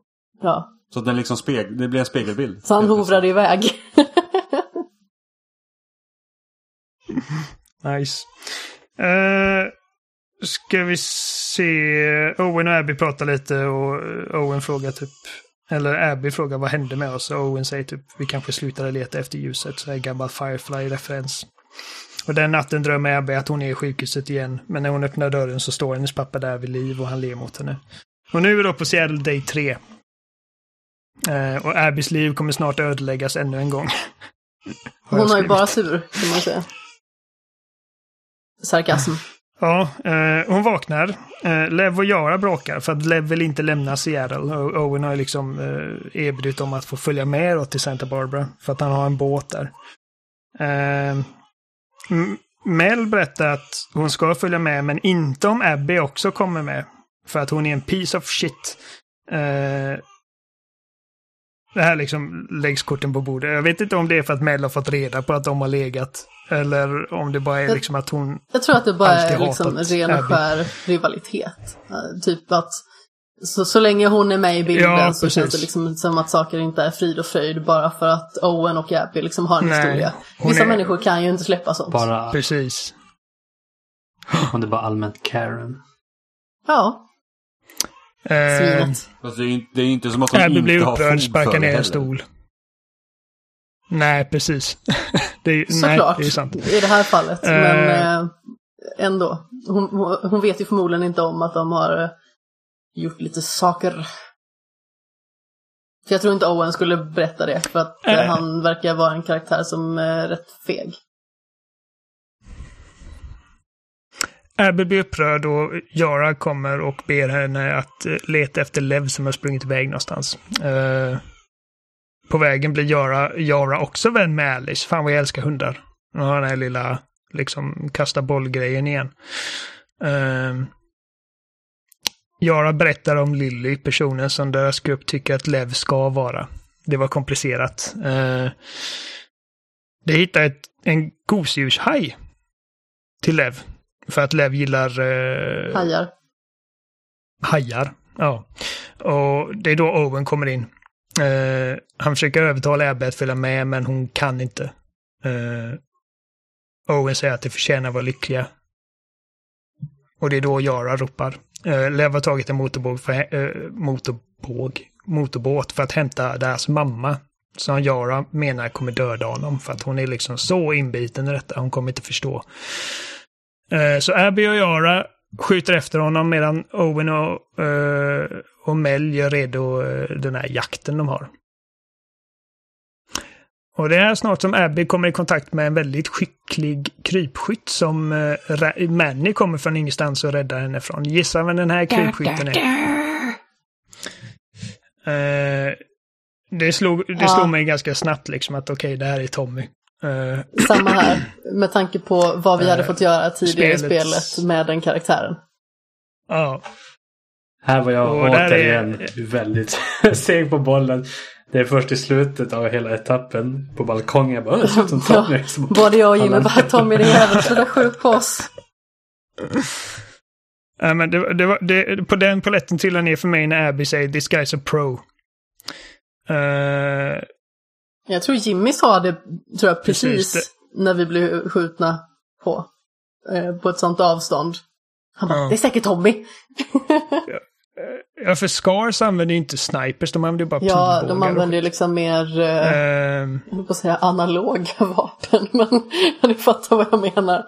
mm. Det här tycker jag är typ spelets Ja, den coolaste är faktiskt setpiece. fantastiskt cool. Eh, Det är ju lite så man hade velat ha den här eh, sniperdelen i första spelet. Precis. Precis. Eh, ska vi se, krypskytten lyckas överlista vår duo. Det, just det, han använder ju som eh, infekter och grejer mot dem. Och, men, man, men man lyckas överleva det och man tar sig närmare, man jagar efter honom. Och eh, han liksom springer in genom en dörr och stänger den och då säger man ja vi rundar honom liksom. Och så precis när de gör det så kommer Tommy tillbaka den vägen och bara skjuter Manny rätt i huvudet. Och Abby Där bara var en sån igen. får panik. Här kommer den här personen Ja, som en liten bara vit pang, kanin död. och bara skjuter skallen av någon. Ja. Eh, nu är det bara Mano y Giganto Womano har jag skrivit. Vad händer nu? Eh, nej, men det är bara min anteckning. Alltså eh, Tommy Mano och Abby är Giganto Jag förstod vad du åsyftade. Eh. Ja. Så när mannen överrumplar henne, men Yara dyker upp och knivhugger honom så han faller i havet och det är nu Abby liksom känner igen honom och bara fuck. Men de sätter kurs mot Seraphite-ön. Eh, och Yara säger att de kommer hitta Lev i deras mammas hus och det gör det. Eh, han har tvingats döda henne i självförsvar för att hon har liksom blivit helt ståndlig. Och jag har skrivit här, hon var republikan och förstod inte läget. Och de liksom tröstar honom och så ger de sig av. Och det är inte långt efter det så blir de överrumplade av en Wolf. För att precis när detta händer så har ju den den här räden mot den här ön startat. Det är ju liksom krig. Och eh, lyckas bli knivhuggen av en Wolf. Och Abby knockar honom. Och hon känner, precis innan han, eh, hon knockar honom så känner han igen henne, bara Abby. Och så bara puff! Och det är nu Isaac dyker upp med hans soldater. Och de bara, alltså, han ska dö, den där Lev. Och Abby säger bara nej. Eh, liksom försöker typ på sina bara knän förklara, men, de, men det faller på döva öron. Och eh, med sitt sista andetag så skjuter Yara Isaac i huvudet. Och eh, blir sönderskjuten på kuppen. Och det är nu de tar chansen att sticka. Och Lev Ja, och det är nu som liksom, Levi är givetvis jävligt upprörd och liksom, och Abby säger bara, äh, vi måste, vi måste vidare. Och hon säger, that was your people, och så säger Abby, you're my people. Uh,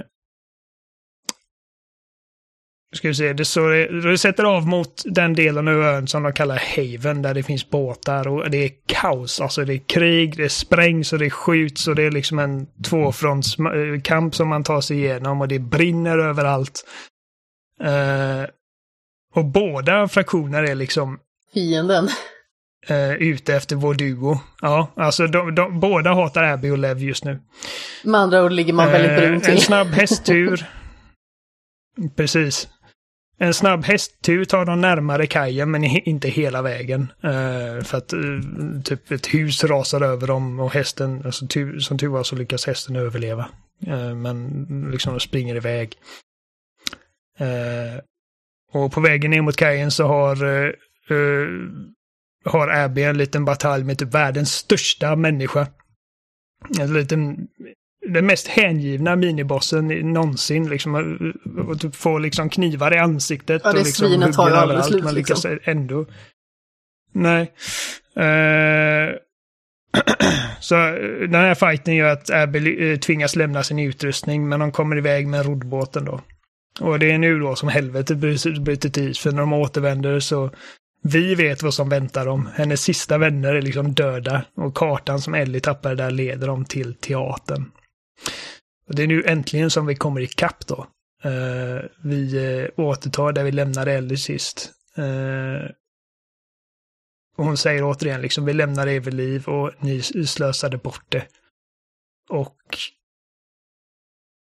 jag kommer inte ihåg exakt om det är för att typ Tommy liksom skakar till eller någonting, men hon, hon sätter en kula i bakhuvudet på Tommy och eh, jagar efter Ellie. Och det, det här är också liksom en känslomässig utmaning för mig att liksom gå in i en bossfight med min liksom my main Ja. man, Ellie liksom. Eh, det känns bisarrt. Jag gjorde samma Eh. sak här som jag gjorde en gång tidigare. Jag, jag försökte lite grann eh, att möta Ellie. Men jag sa typ så här, "Nej, det här gör inte jag. Och så kastade jag kontrollen till Jimmy. Och det, det gick bara inte. Det var en gång som jag blev liksom eh, överrumplad av Ellie och hon sköt mig i ansiktet med ett hagelgevär och, och Abbys Ah. huvud bara och så blev det liksom game over och jag bara okej vi, vi, vi lämnar det där. det var så det slutade. För att vid det här laget så har jag ju liksom kommit att bry mig väldigt mycket om Abby också men in, inte nödvändigtvis mer än Ellie. Alltså jag vill inte att någon av de här ska Nej, jag dö vid trodde det här att det här var laget. liksom så här slutbossen någonstans. Jag trodde ju redan här att det skulle vara slut. Ja, men det kändes lite så. Och jag kände alltså, det, de kommer tvinga mig att döda Ellie och så kommer det sluta så. Och det är därför alla är så jävla arga. Liksom. Och jag, jag bara, alltså, gud. Som sagt, känslomässigt utmanande. Det är som... Ungefär som att eh, halvvägs in i Halo Infinite så spelar vi den här bruten och vi tvingas döda Master Chief. Um... Jag tyckte det hela det partiet var sjukt sjukt jobbigt att vara Abby och så kommer börja j- Ja. jaga Ellie. Ja, alltså det var ju liksom, och jävlar vad... Jag bara, jag vill inte döda henne. Jag vill inte det slå var ju en på väldigt henne. lik sekvens Jävlar i relation det till Ja. när man ska gömma sig från eh, David i första spelet. Samma obehag. Mm. Liksom, det är något som väntar bakom Ja. varje hörn och så liksom de här kulisserna och eh, teaterrekvisitan och så som stod bak i det här utrymmet. Och som man liksom gömmer sig bakom och springer förbi. Det var väldigt obehaglig miljö faktiskt. Och jag tycker det är en cool fight också för att Ellie använder liksom alla de här eh, knepen som vi haft som spelare. Hon kan lägga ut de här minerna, hon kan slänga molotovs. Uh, hon smyger runt och, och Abby är helt obeväpnad. Så, men till slut så liksom, alltså Abby får övertaget för att men, Ellie har inte så mycket att säga till om mot den här liksom She-Hulken. Ja, man tar ju lite grann Ellie under armen och går iväg. Det är liksom den nivån på det. Eh, hon håller på att göra, alltså Abby håller på att göra slarvsylta av eh, Ellie. När, eh, när Dina kommer ut och hoppar på henne. Eh, men hon har inte så mycket att säga till om heller för att hon är också en liten eh, nätt tjej och eh, Abby är fortfarande en She-Hulk så att hon liksom har henne liksom i ett så här killgrepp med en kniv mot hennes strupe. Och Ellie bara säger liksom snälla hon har, hon har ingenting med detta att göra och hon är gravid och Abby säger good. Och ska precis liksom skära halsen av henne men då är det Lev som stoppar henne. Och liksom ger henne lite perspektiv och liksom drar henne tillbaka Då till blev jag verkligheten, verkligen liksom. så här eh, negativt inställd till Abby igen när hon sa liksom så här good till att hon var gravid liksom. Som att det liksom skulle vara det, Ja, som att det liksom hon skulle liksom vara eh, öga för ett öga någonstans. För hon tyckte uppenbarligen inte Ja, om typ. Melts så men det är liksom... Jag menar, det är ändå liksom att eh, Ellie dödade också en gravid Jo, kvinna. jag, så jag fuck förstår you. liksom att det är hela den Eh. grejen, men jag tycker ändå att det var lite väl va? Men som sagt, alltså Lev lyckas stoppa henne och, och hon lyckas liksom att lämna detta bakom sig för ett ögonblick och bara liksom låt mig aldrig se dig igen. Och låt henne leva en gång till. Och... Hon har ju haft Precis. två chanser att mula Eh. Ellie totalt. Ja, absolut. Eh, och eh, eller ligger där liksom blåslagen, alltså typ näsan är förstörd och hon är helt sönderslagen. Eh, och vi hoppar fram. Och nu är vi på ett hus på landet. Eh, och jag var lite förvirrad. Alltså, så, så, så, det är ett barn som gråter. Som vi, eh, så vi märker, okej, Dina har liksom fött det här barnet och de har döpt uh, ungen till JJ och Ellie plockar upp uh, honom. Uh, och går ner och liksom där ser vi att Dina lagar mat och, och hon säger att sätter på lite musik och hon sätter på musik och de dansar i köket och det är jättemysigt och liksom jättesött. Jag bara, det här är väldigt liksom typ mysigt för att vara liksom sista akten i ett Last of Us-spel. Ja. Det är någonting som inte stämmer tänkte jag. Jag var liksom övertygad en sekund att liksom detta är hennes typ Alltså är detta hennes dröm? JJ står ju för övrigt av liksom vad som kunde ha varit ifall, liksom medan hon ligger och liksom förblöder på det där Ja, teatergolvet. precis. JJ står ju för övrigt för Jesse och Joel. Om man inte hade kopplat det av någon anledning. Precis. Jag tänkte det var Jesse Jr. Jesse James. Mm. I alla fall, så vi går ut och Eller jag hämtar... antog eh, att var det inte det? Eller är jag ute och cyklar? Jag kopplar Jesse Jr, men det kan också vara Jesse, eh, Jesse Jr faktiskt. Det vet, ja, jag vet inte. Sen går man ut på Eh. utsidan och spelar Twilight Princess. Herd, herd Sheep. Mm, precis. Eh, Men inte, efter, inte före de sitter på den här traktorn och Nej, liksom tittar upp i himlen och allting är väldigt fint och Ellie typ eh, pratar lite gulligt med, med JJ som hon kallar för sin potato. och det är nu som hon sätter JJ i sin sån här typ bärsele och så börjar man valla får och det är liksom man- fortfarande är det så här verkligen whiplash från typ dödlig kamp till valla får eh, på en minut och eh, det, i den här ladan så får Ellie liksom ett, ett släng av PTSD. Hon är tillbaka i det här huset där Joel blir ihjälslagen, men den här gången så skriker han faktiskt efter henne och liksom vill ha hjälp. Eh, och eh, när Dina lyckas liksom rycka tillbaka henne till verkligheten så, så sitter hon där liksom i hörnet med, med JJ i famnen och bara skriker. Eh, Precis, så dagen efter, eller, eller, eller det behöver inte vara dagen efter, det kan vara när som helst, men eh, Ellie har varit ute och typ eh, dödat en kanin och är på väg, på väg tillbaka till huset och det är då, de vi ser att Tommy är på besök. Så Tommy överlevde faktiskt. Han har ett fult ärr, men han lever. Eh, och det visar sig att Tommy har ny information om Abby, liksom att hon har, eh, han har hört om en, eh, en kvinna stor som en oxe som har färdats med eh, en ung grabb i Kalifornien. Eh, och eh, han liksom, han, han har ju fått för sig att eh, ja, men nu sticker vi och liksom gör slut på den här skiten en gång för alla liksom. Eh, för att Ellie hade tydligen lovat honom det när de kom tillbaka till Jackson att eh, han, hon ska få henne att betala.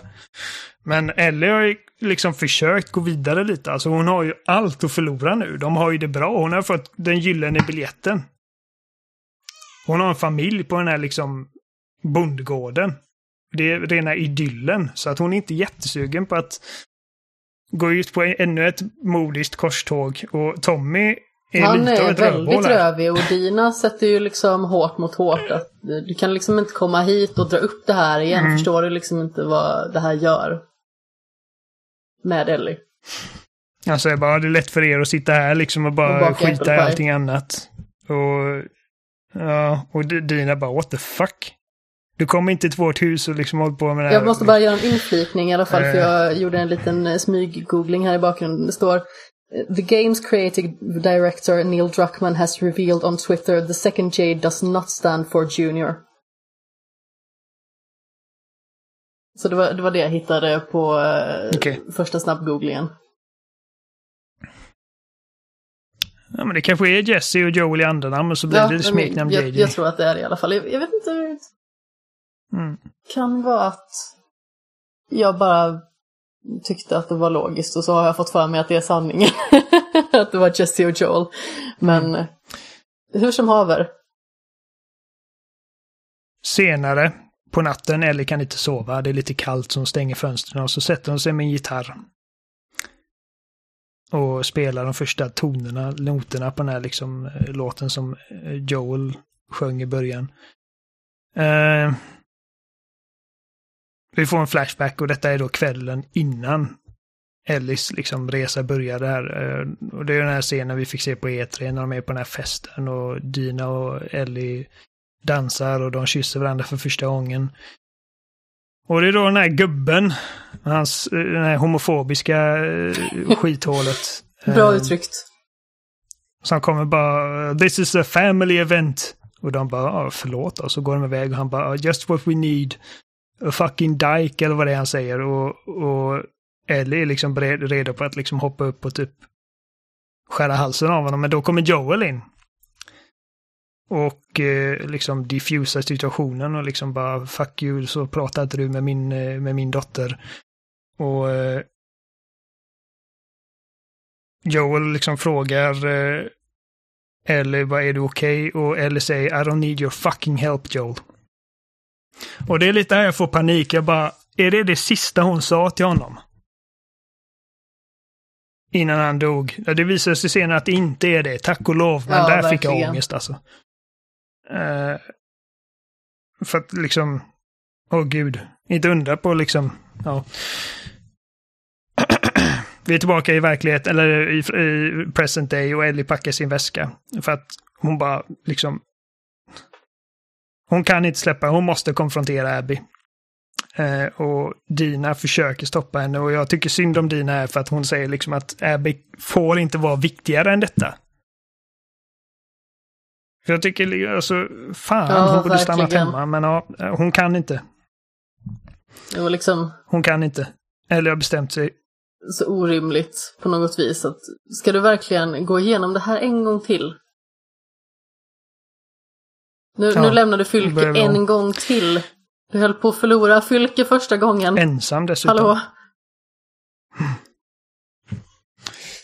Så hon ger sig av och Dina är givetvis helt förkrossad. Ehm.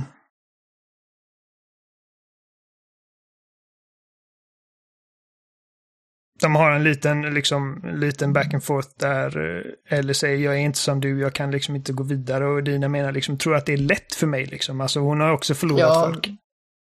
Det är bara att hon, hon håller det liksom för, för hennes Ja, skull, men liksom för JJs skull. barnet till, eller, Och- eller barnet till fadern.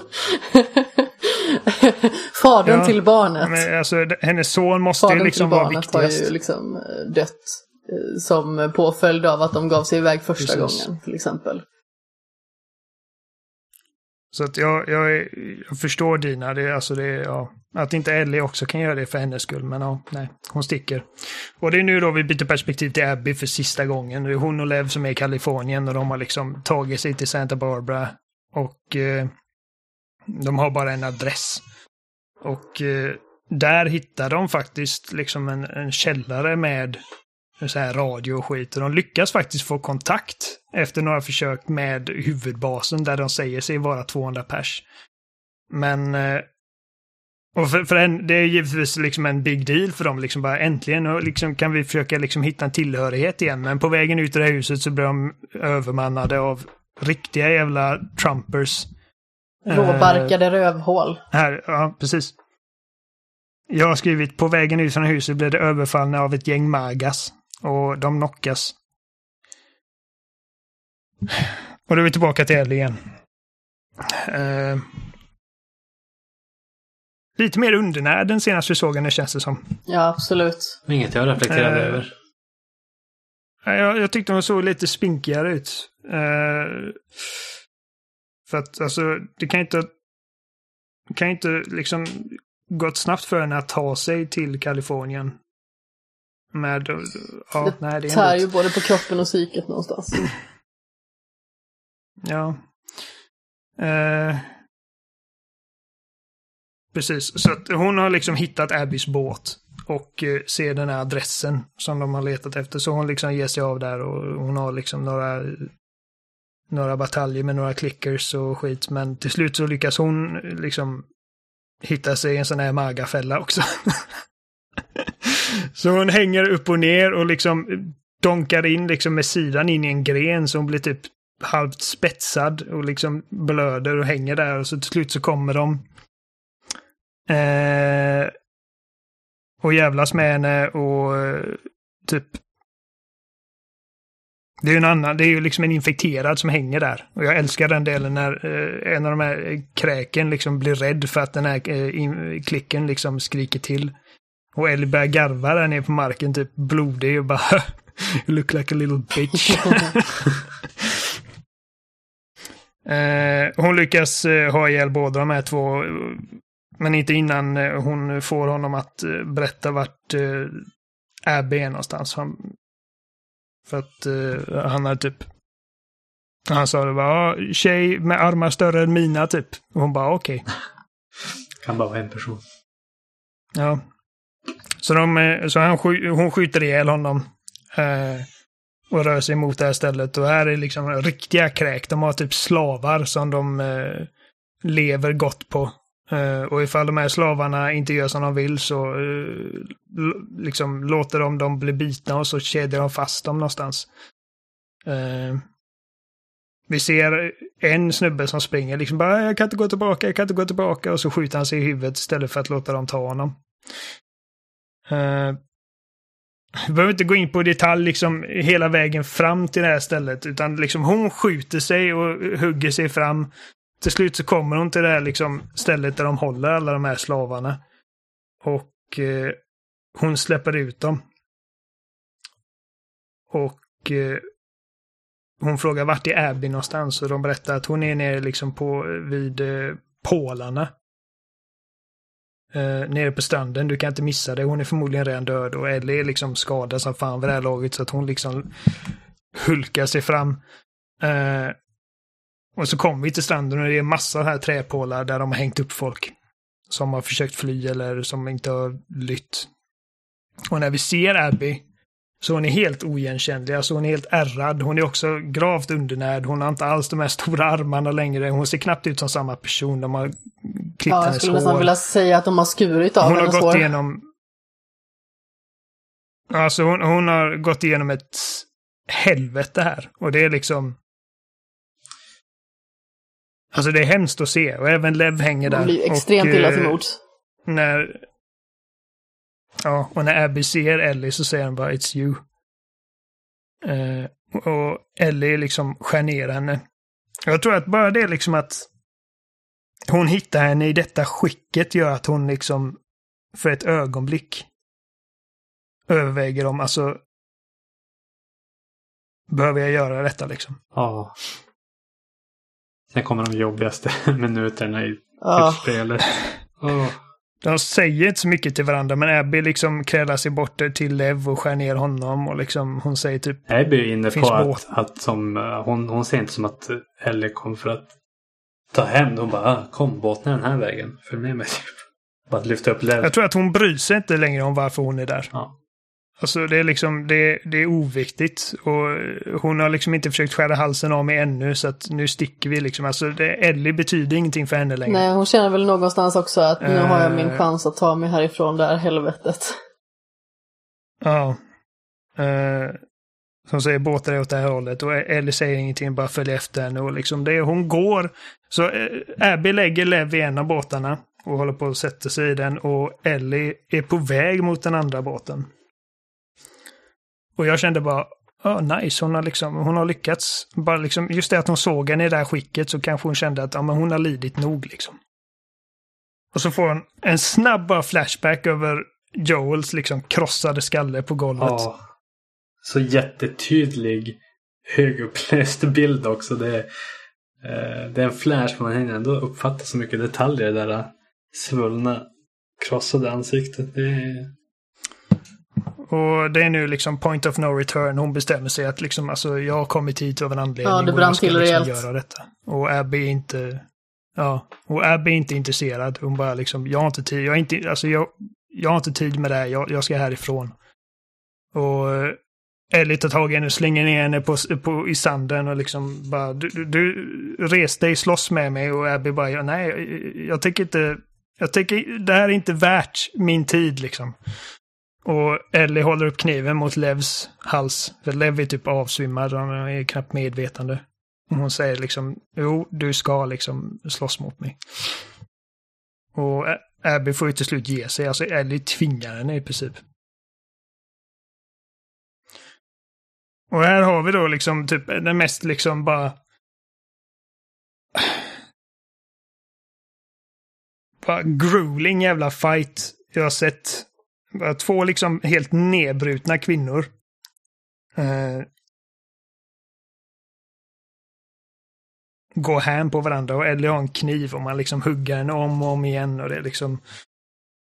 Eh, Abby ser ut att få övertaget där en sekund men, eh, men Ellie lyckas ta sig ur det och liksom slänger sig över henne och, och hon håller henne under vattenytan och liksom gråter och skriker och liksom bara sådana fruktansvärt liksom vilket jävla mörker de här Ja, den här sen, människan har inom sig. man märker också så otroligt mycket muskelmassa som Abby har tappat. Liksom, för att hon har, hon har magrat Ja, av så himla mycket, hon har tappat sin styrka, hon är liksom helt orkeslös. I stort sett. Det enda som motiverar henne är Alltså, hon typ är- hon är en- att se till att Lev överlever. Abby är ju, alltså hon är en Ja, skugga av verkligen. sitt forna jag. Eh, så att alltså Ellie håller i princip på att döda Abby. Liksom. Alltså, hon, hon håller henne under vattnet där och stryper henne och liksom, alltså. Det är svettigt, det är blodigt, det är liksom brutalt. Eh, och så är det en annan bild av Joel som liksom kommer in i hennes huvud. Och det är när han sitter på sin på sin veranda och spelar gitarr och liksom möter henne med blicken. Det är också liksom jättesnabbt över, men det är liksom det som behövs för att Eddie ska liksom släppa henne. Och hon börjar gråta och hon liksom bara sitter där på stranden och säger bara just go liksom. Och det är nu vi får Just det, hon kommit... Eh, nästa vi ser är att hon kommer tillbaka till farmen.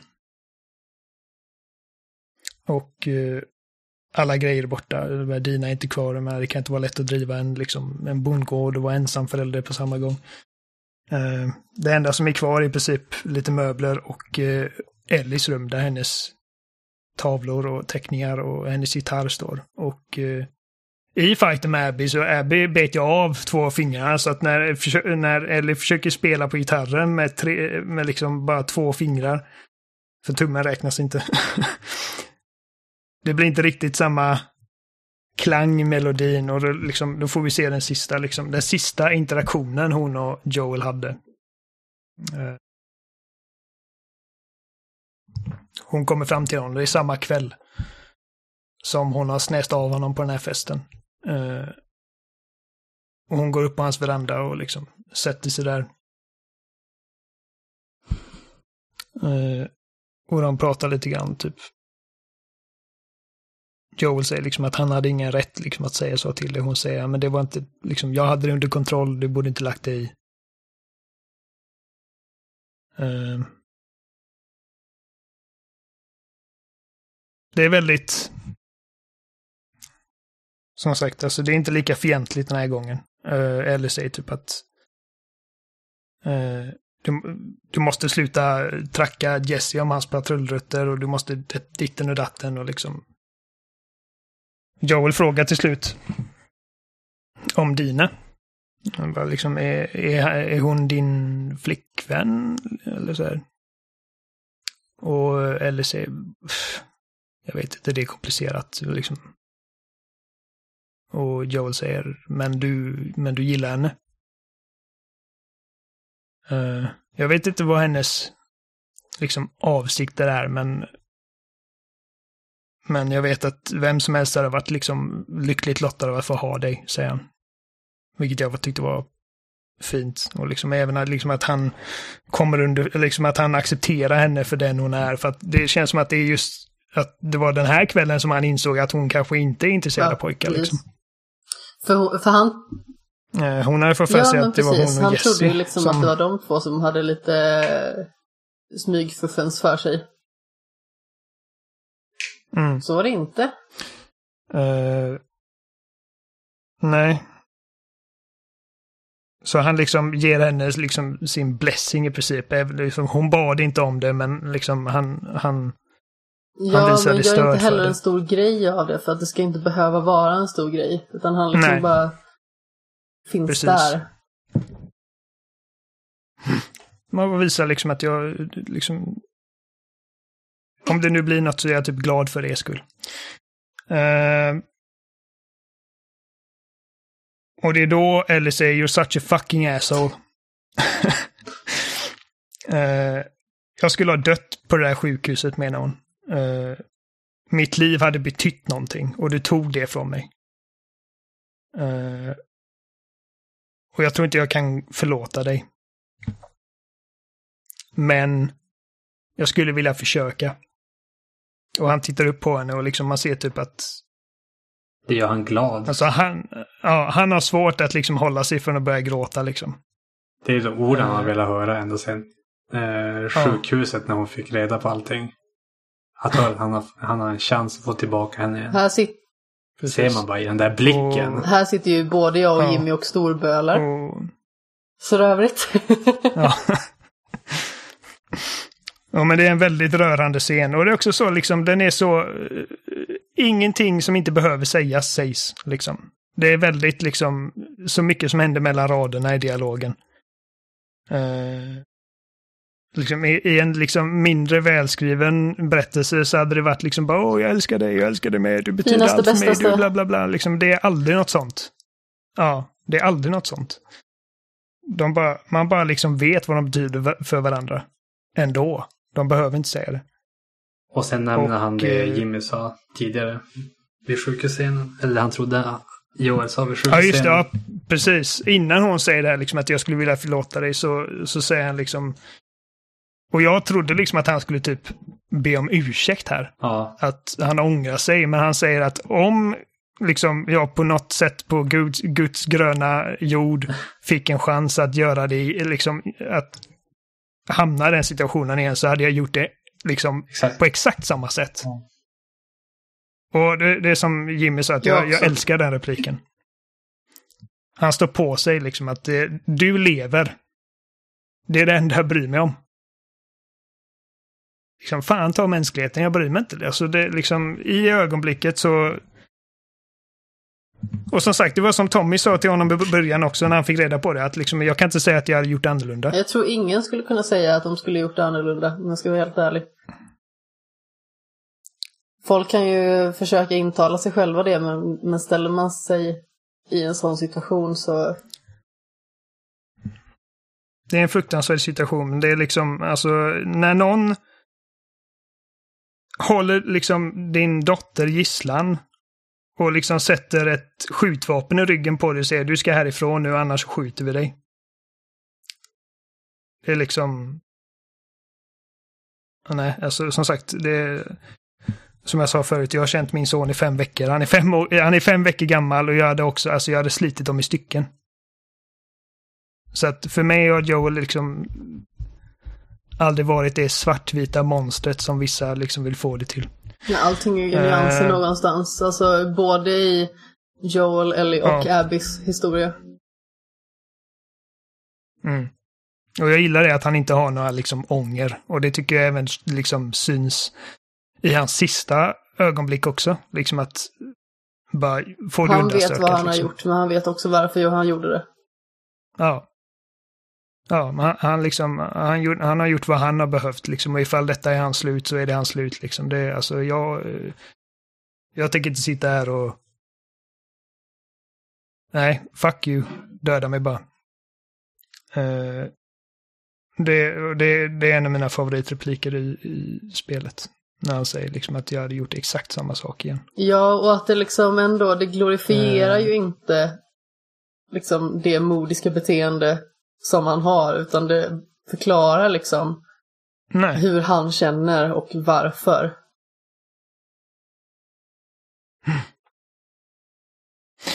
Eh, när hon säger att jag skulle vilja försöka förlåta dig så som sagt, han blev väldigt rörd och glad och eh, gråten sitter i halsen och han säger att eh, jag hade tyckt om det väldigt mycket. Och så skiljs de åt och de tror liksom att ja, nu har vi en hel, hel liksom livstid framför oss att liksom lappa ihop detta. Men det var inte riktigt så det blev. Och så är vi tillbaka då när Ellie sitter liksom i, i huset på den här bondgården och eh, tänker på den här interaktionen. Som, det känns som att just den här liksom interaktionen hon hade var liksom viktig för att liksom få ur henne från det här liksom typ onda cirkeln av bara hat och våld. Uh, hon lägger ifrån sig gitarren, liksom lämnar den bakom sig och jag tolkar det som att det är liksom hennes sätt liksom att inte bara förlåta honom utan också lägga det bakom sig, liksom att gå vidare. Uh, och vi ser henne liksom från liksom gitarrens perspektiv ut genom fönstret att hon liksom lämnar bondgården och så. Jag tyckte det var väldigt det roligt för här så man ser ju liksom ut genom fönstret där gitarren står och så säger jag något i stil med mm. vad häftigt det hade varit om man såg henne gå iväg. Då kommer hon tassande där. ja. Ja. Det var det. det. Vilken jäkla resa. Ja, det var det. Uh, och det, det, är inte utan sina problem. Eh, jag gillar första spelet bättre, dels för att det är liksom, det är mindre hoppigt och det är mer det utspelas över en längre period så vi får liksom sitta med de här karaktärerna och liksom den här relationen under en längre period. Uh, detta utspelar sig mest över tre dagar. Men uh, jag är ändå jävligt nöjd med liksom hur storyn urartade sig. Och det är liksom, som sagt, det finns det kanske finns sätt att jong, liksom jonglera om de här olika flashbacksen och liksom strukturen på det. För att få det att liksom flyta bättre eller liksom att, liksom, att narrativet ska få en bättre flow. Men just liksom händelseförloppet, manuset, jag har inga problem med det i princip. Alltså det finns ju jättemånga bra komponenter i det här spelet.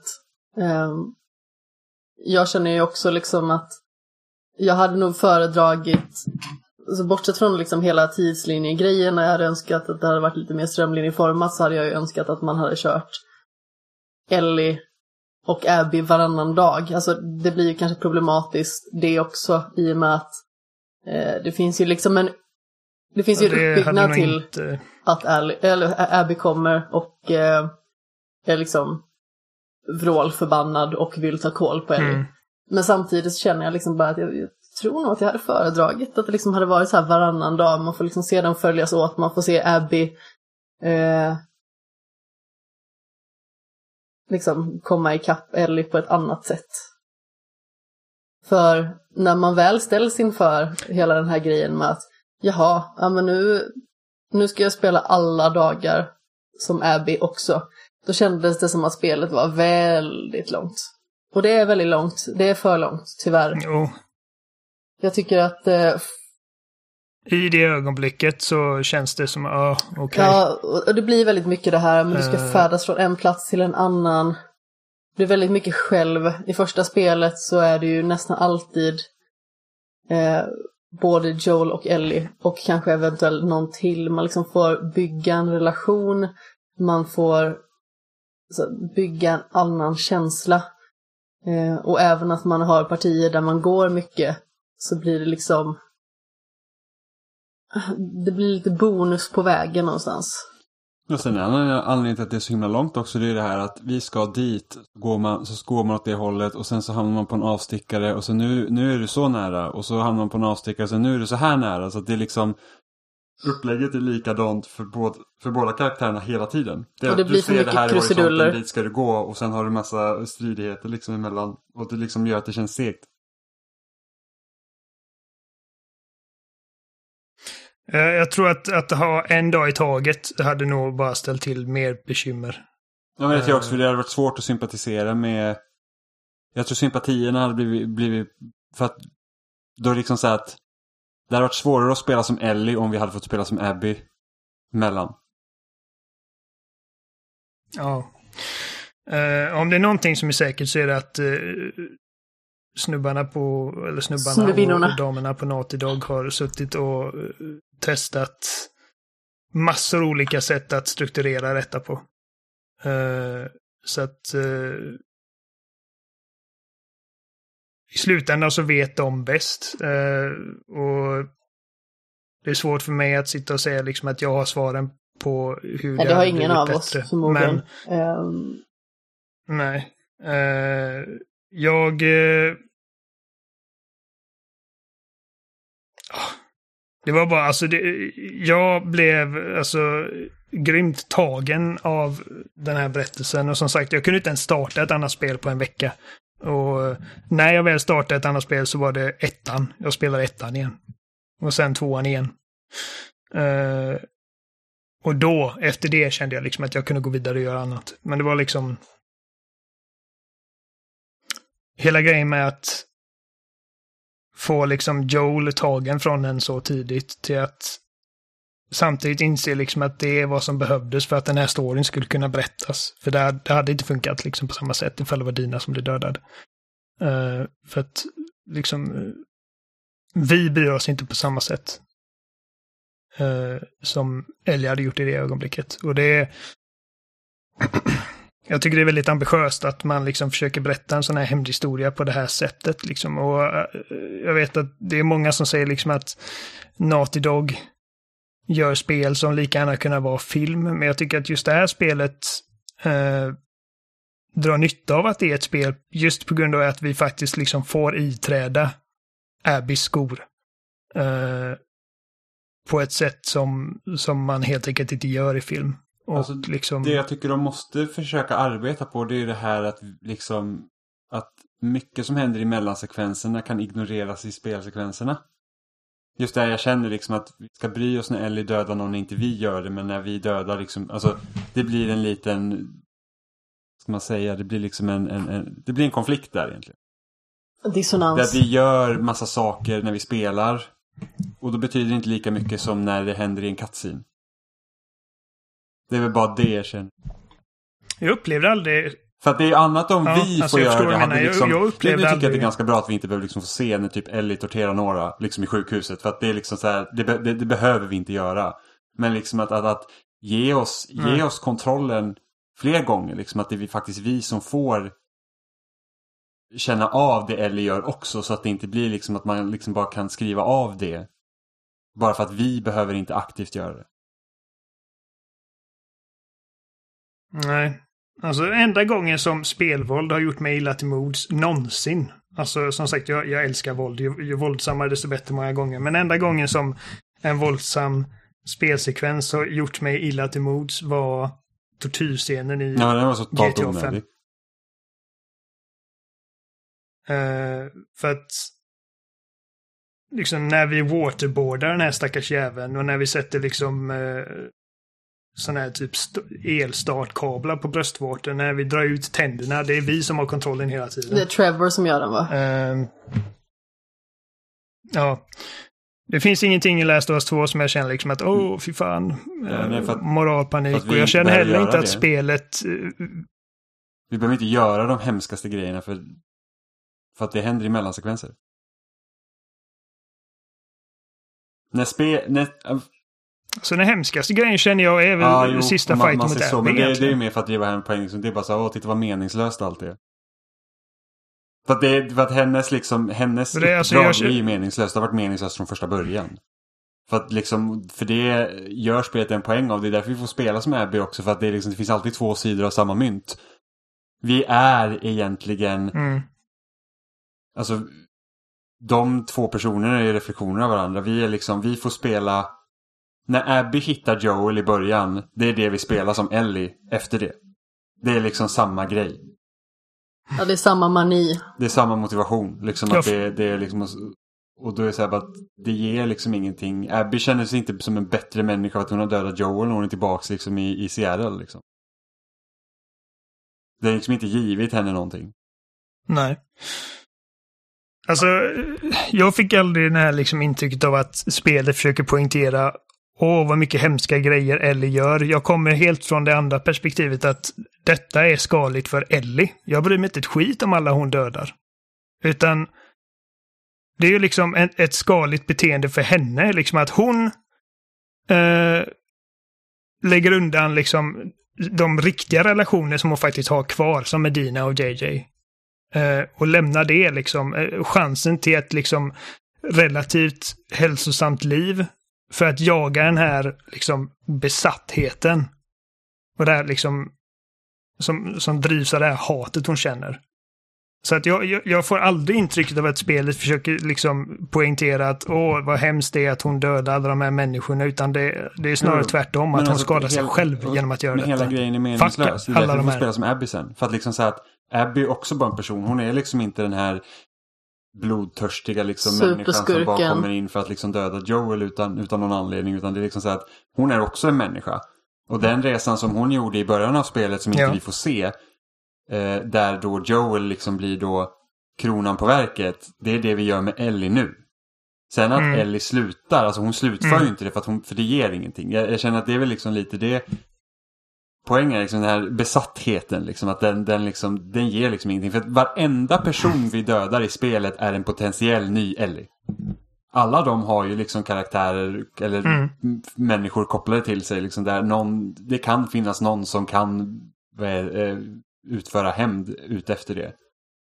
Eh, men jag tycker också att det här spelet liksom gör en poäng av det här med att för det är något jag vet när vi pratar om i God of War spoilercasten när liksom Kratos i slutet säger att vi måste vara bättre och sen så går han emot det han själv säger, tyckte jag. Jag var så här liksom att det där, det där är inte logiskt för mig när han liksom dödar Balder och sen låter liksom eh, mamman löpa. Liksom för att det är så att hon kommer bara komma tillbaka. För att det, det, det liksom, du har inte brutit någonting. Här bryts det ju. För att det är så att okej, okay, Abby har vid varje tillfälle låtit Ellie gå och sa så här att nej men du är inte viktig för mig för att det är Joel. Och, och Ellie alltid kommer liksom tillbaka. Men sen så står hon där i slutet och bara säger att det ger ju liksom ingenting. Det kommer inte hjälpa henne. Hon har liksom redan, liksom Dina förmodligen borta liksom. Vad har hänt med Tommy? Joel kommer inte komma tillbaka. Och sen tar hon ihjäl Abby då liksom. Så vad säger att Lev inte kommer liksom hämnas? Liksom att den cykeln upprepas hela tiden och nu ska ju den då rent logiskt sett vara bruten.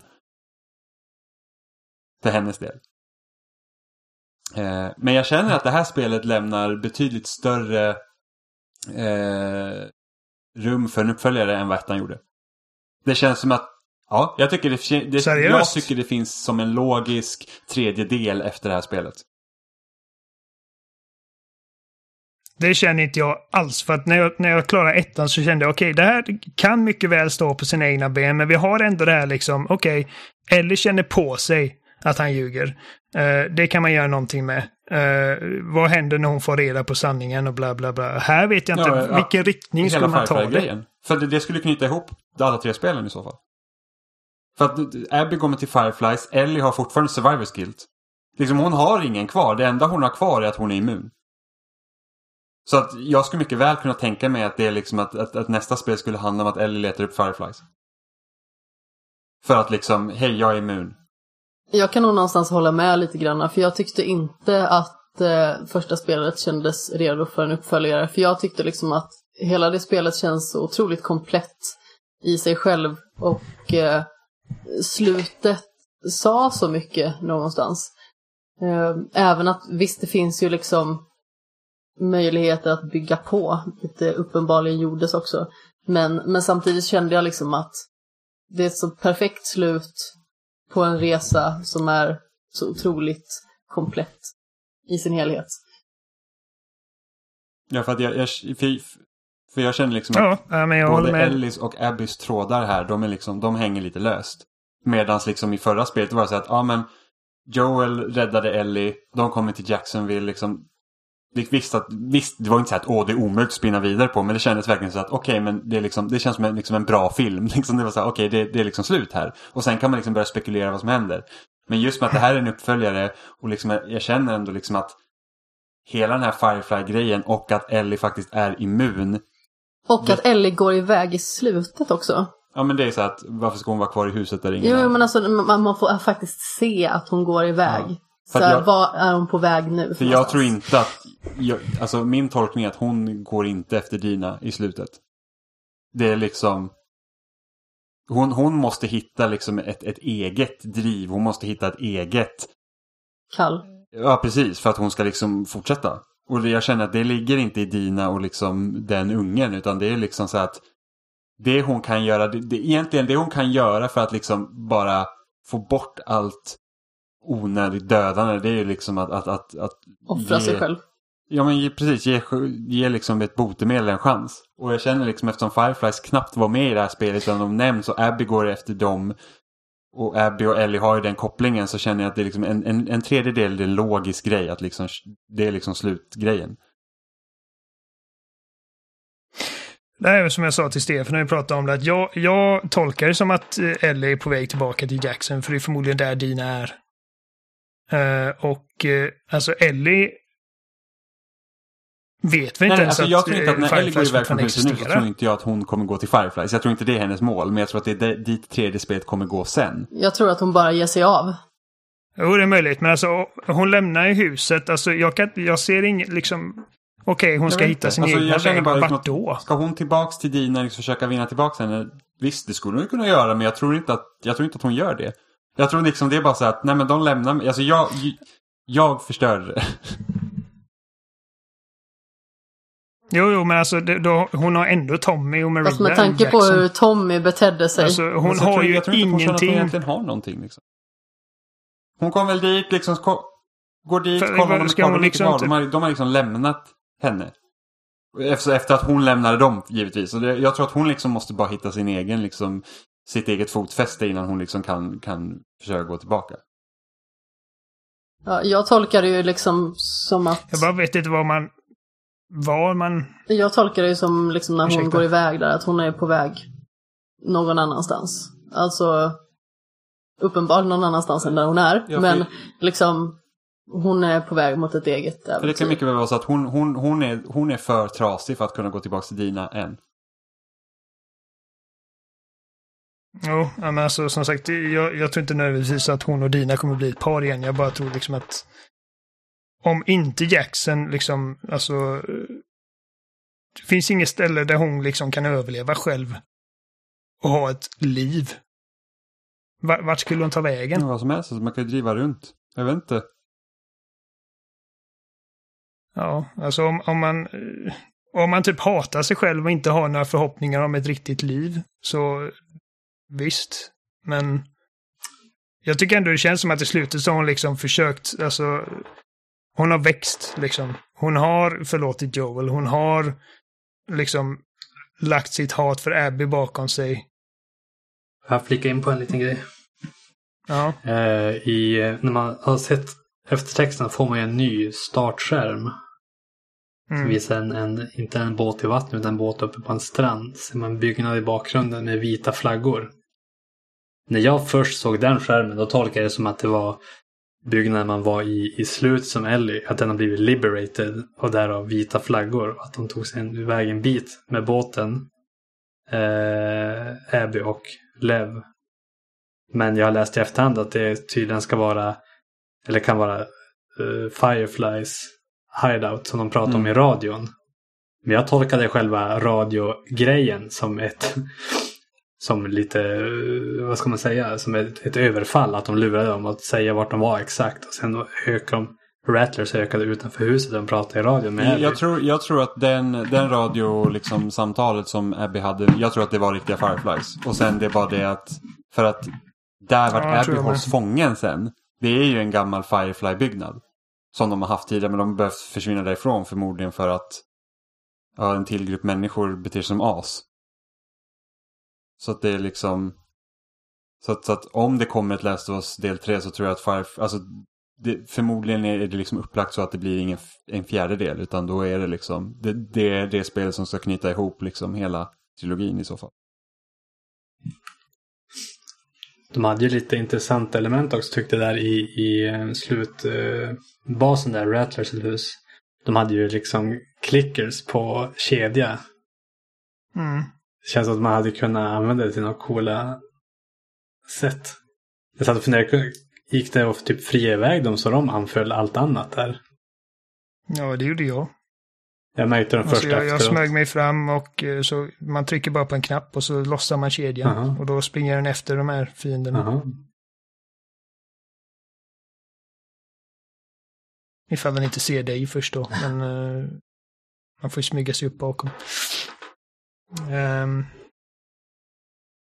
ja, nej men det är möjligt. Alltså jag, jag tror att... eh, eller jag tror ingenting. Jag känner att uh, ifall det inte kommer en trea så, så är det okej för mig. Precis som jag var okej med att det aldrig kommer en uppföljare till första.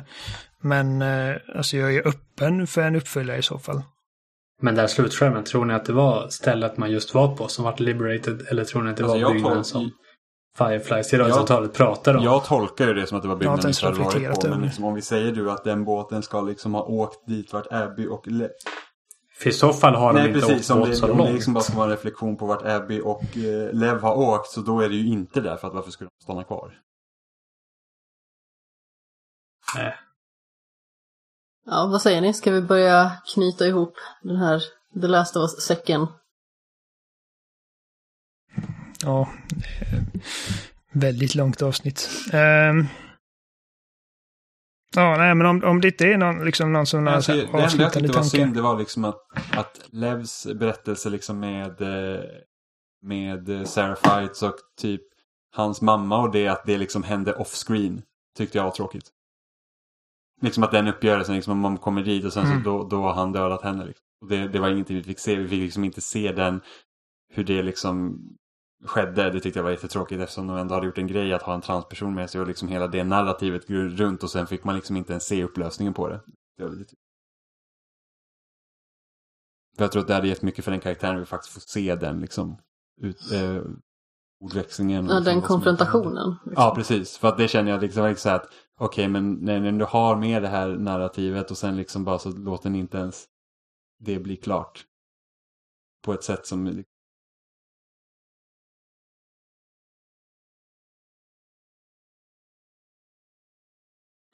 Nej, alltså jag, jag, jag, jag håller ettan eh, högre, men, men jag älskar ändå min tid med det här spelet också. Och eh, jag... Eh, Jag håller också nöjd. absolut ettan eh, hyfsat mycket högre. Jag, jag tycker liksom att det här är ett jättebra spel.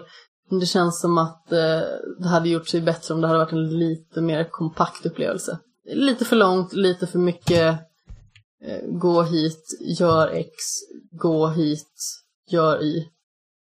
Och så hamnar man lite på villospår. Eh, så jag hade uppskattat den varit lite mer fokuserad någonstans.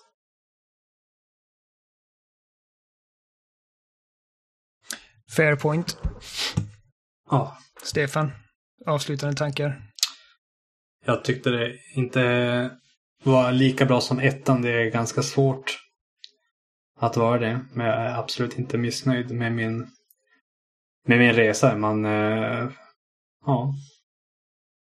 Om, eh, om eh, Last of Us är liksom är och snuddar på tian i betyg tycker jag att tvåan är vid åtta och en halv för min del. Där någonstans. Ja, nej men eh, då så. Eh,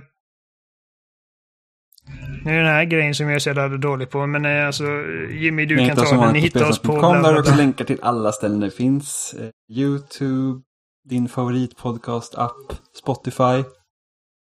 Eh, ni hittar oss också på loading.se där våra avsnitt läggs upp. Och ni kan också mejla oss på kontakt.com eller våra förnamn sp.com. Stefan, var hittar man dig någonstans? Jag finns på YouTube.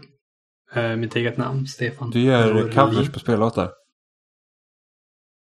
Ja, för det mesta är det det som dyker upp där. Så är det av intresse så kan ni kika Slänga in en in. prenumeration. Så missar ni inga låtar. Ja, det, Metal covers. Tack Stefan för att du var med. ja, det var alltid, alltid ett nöje.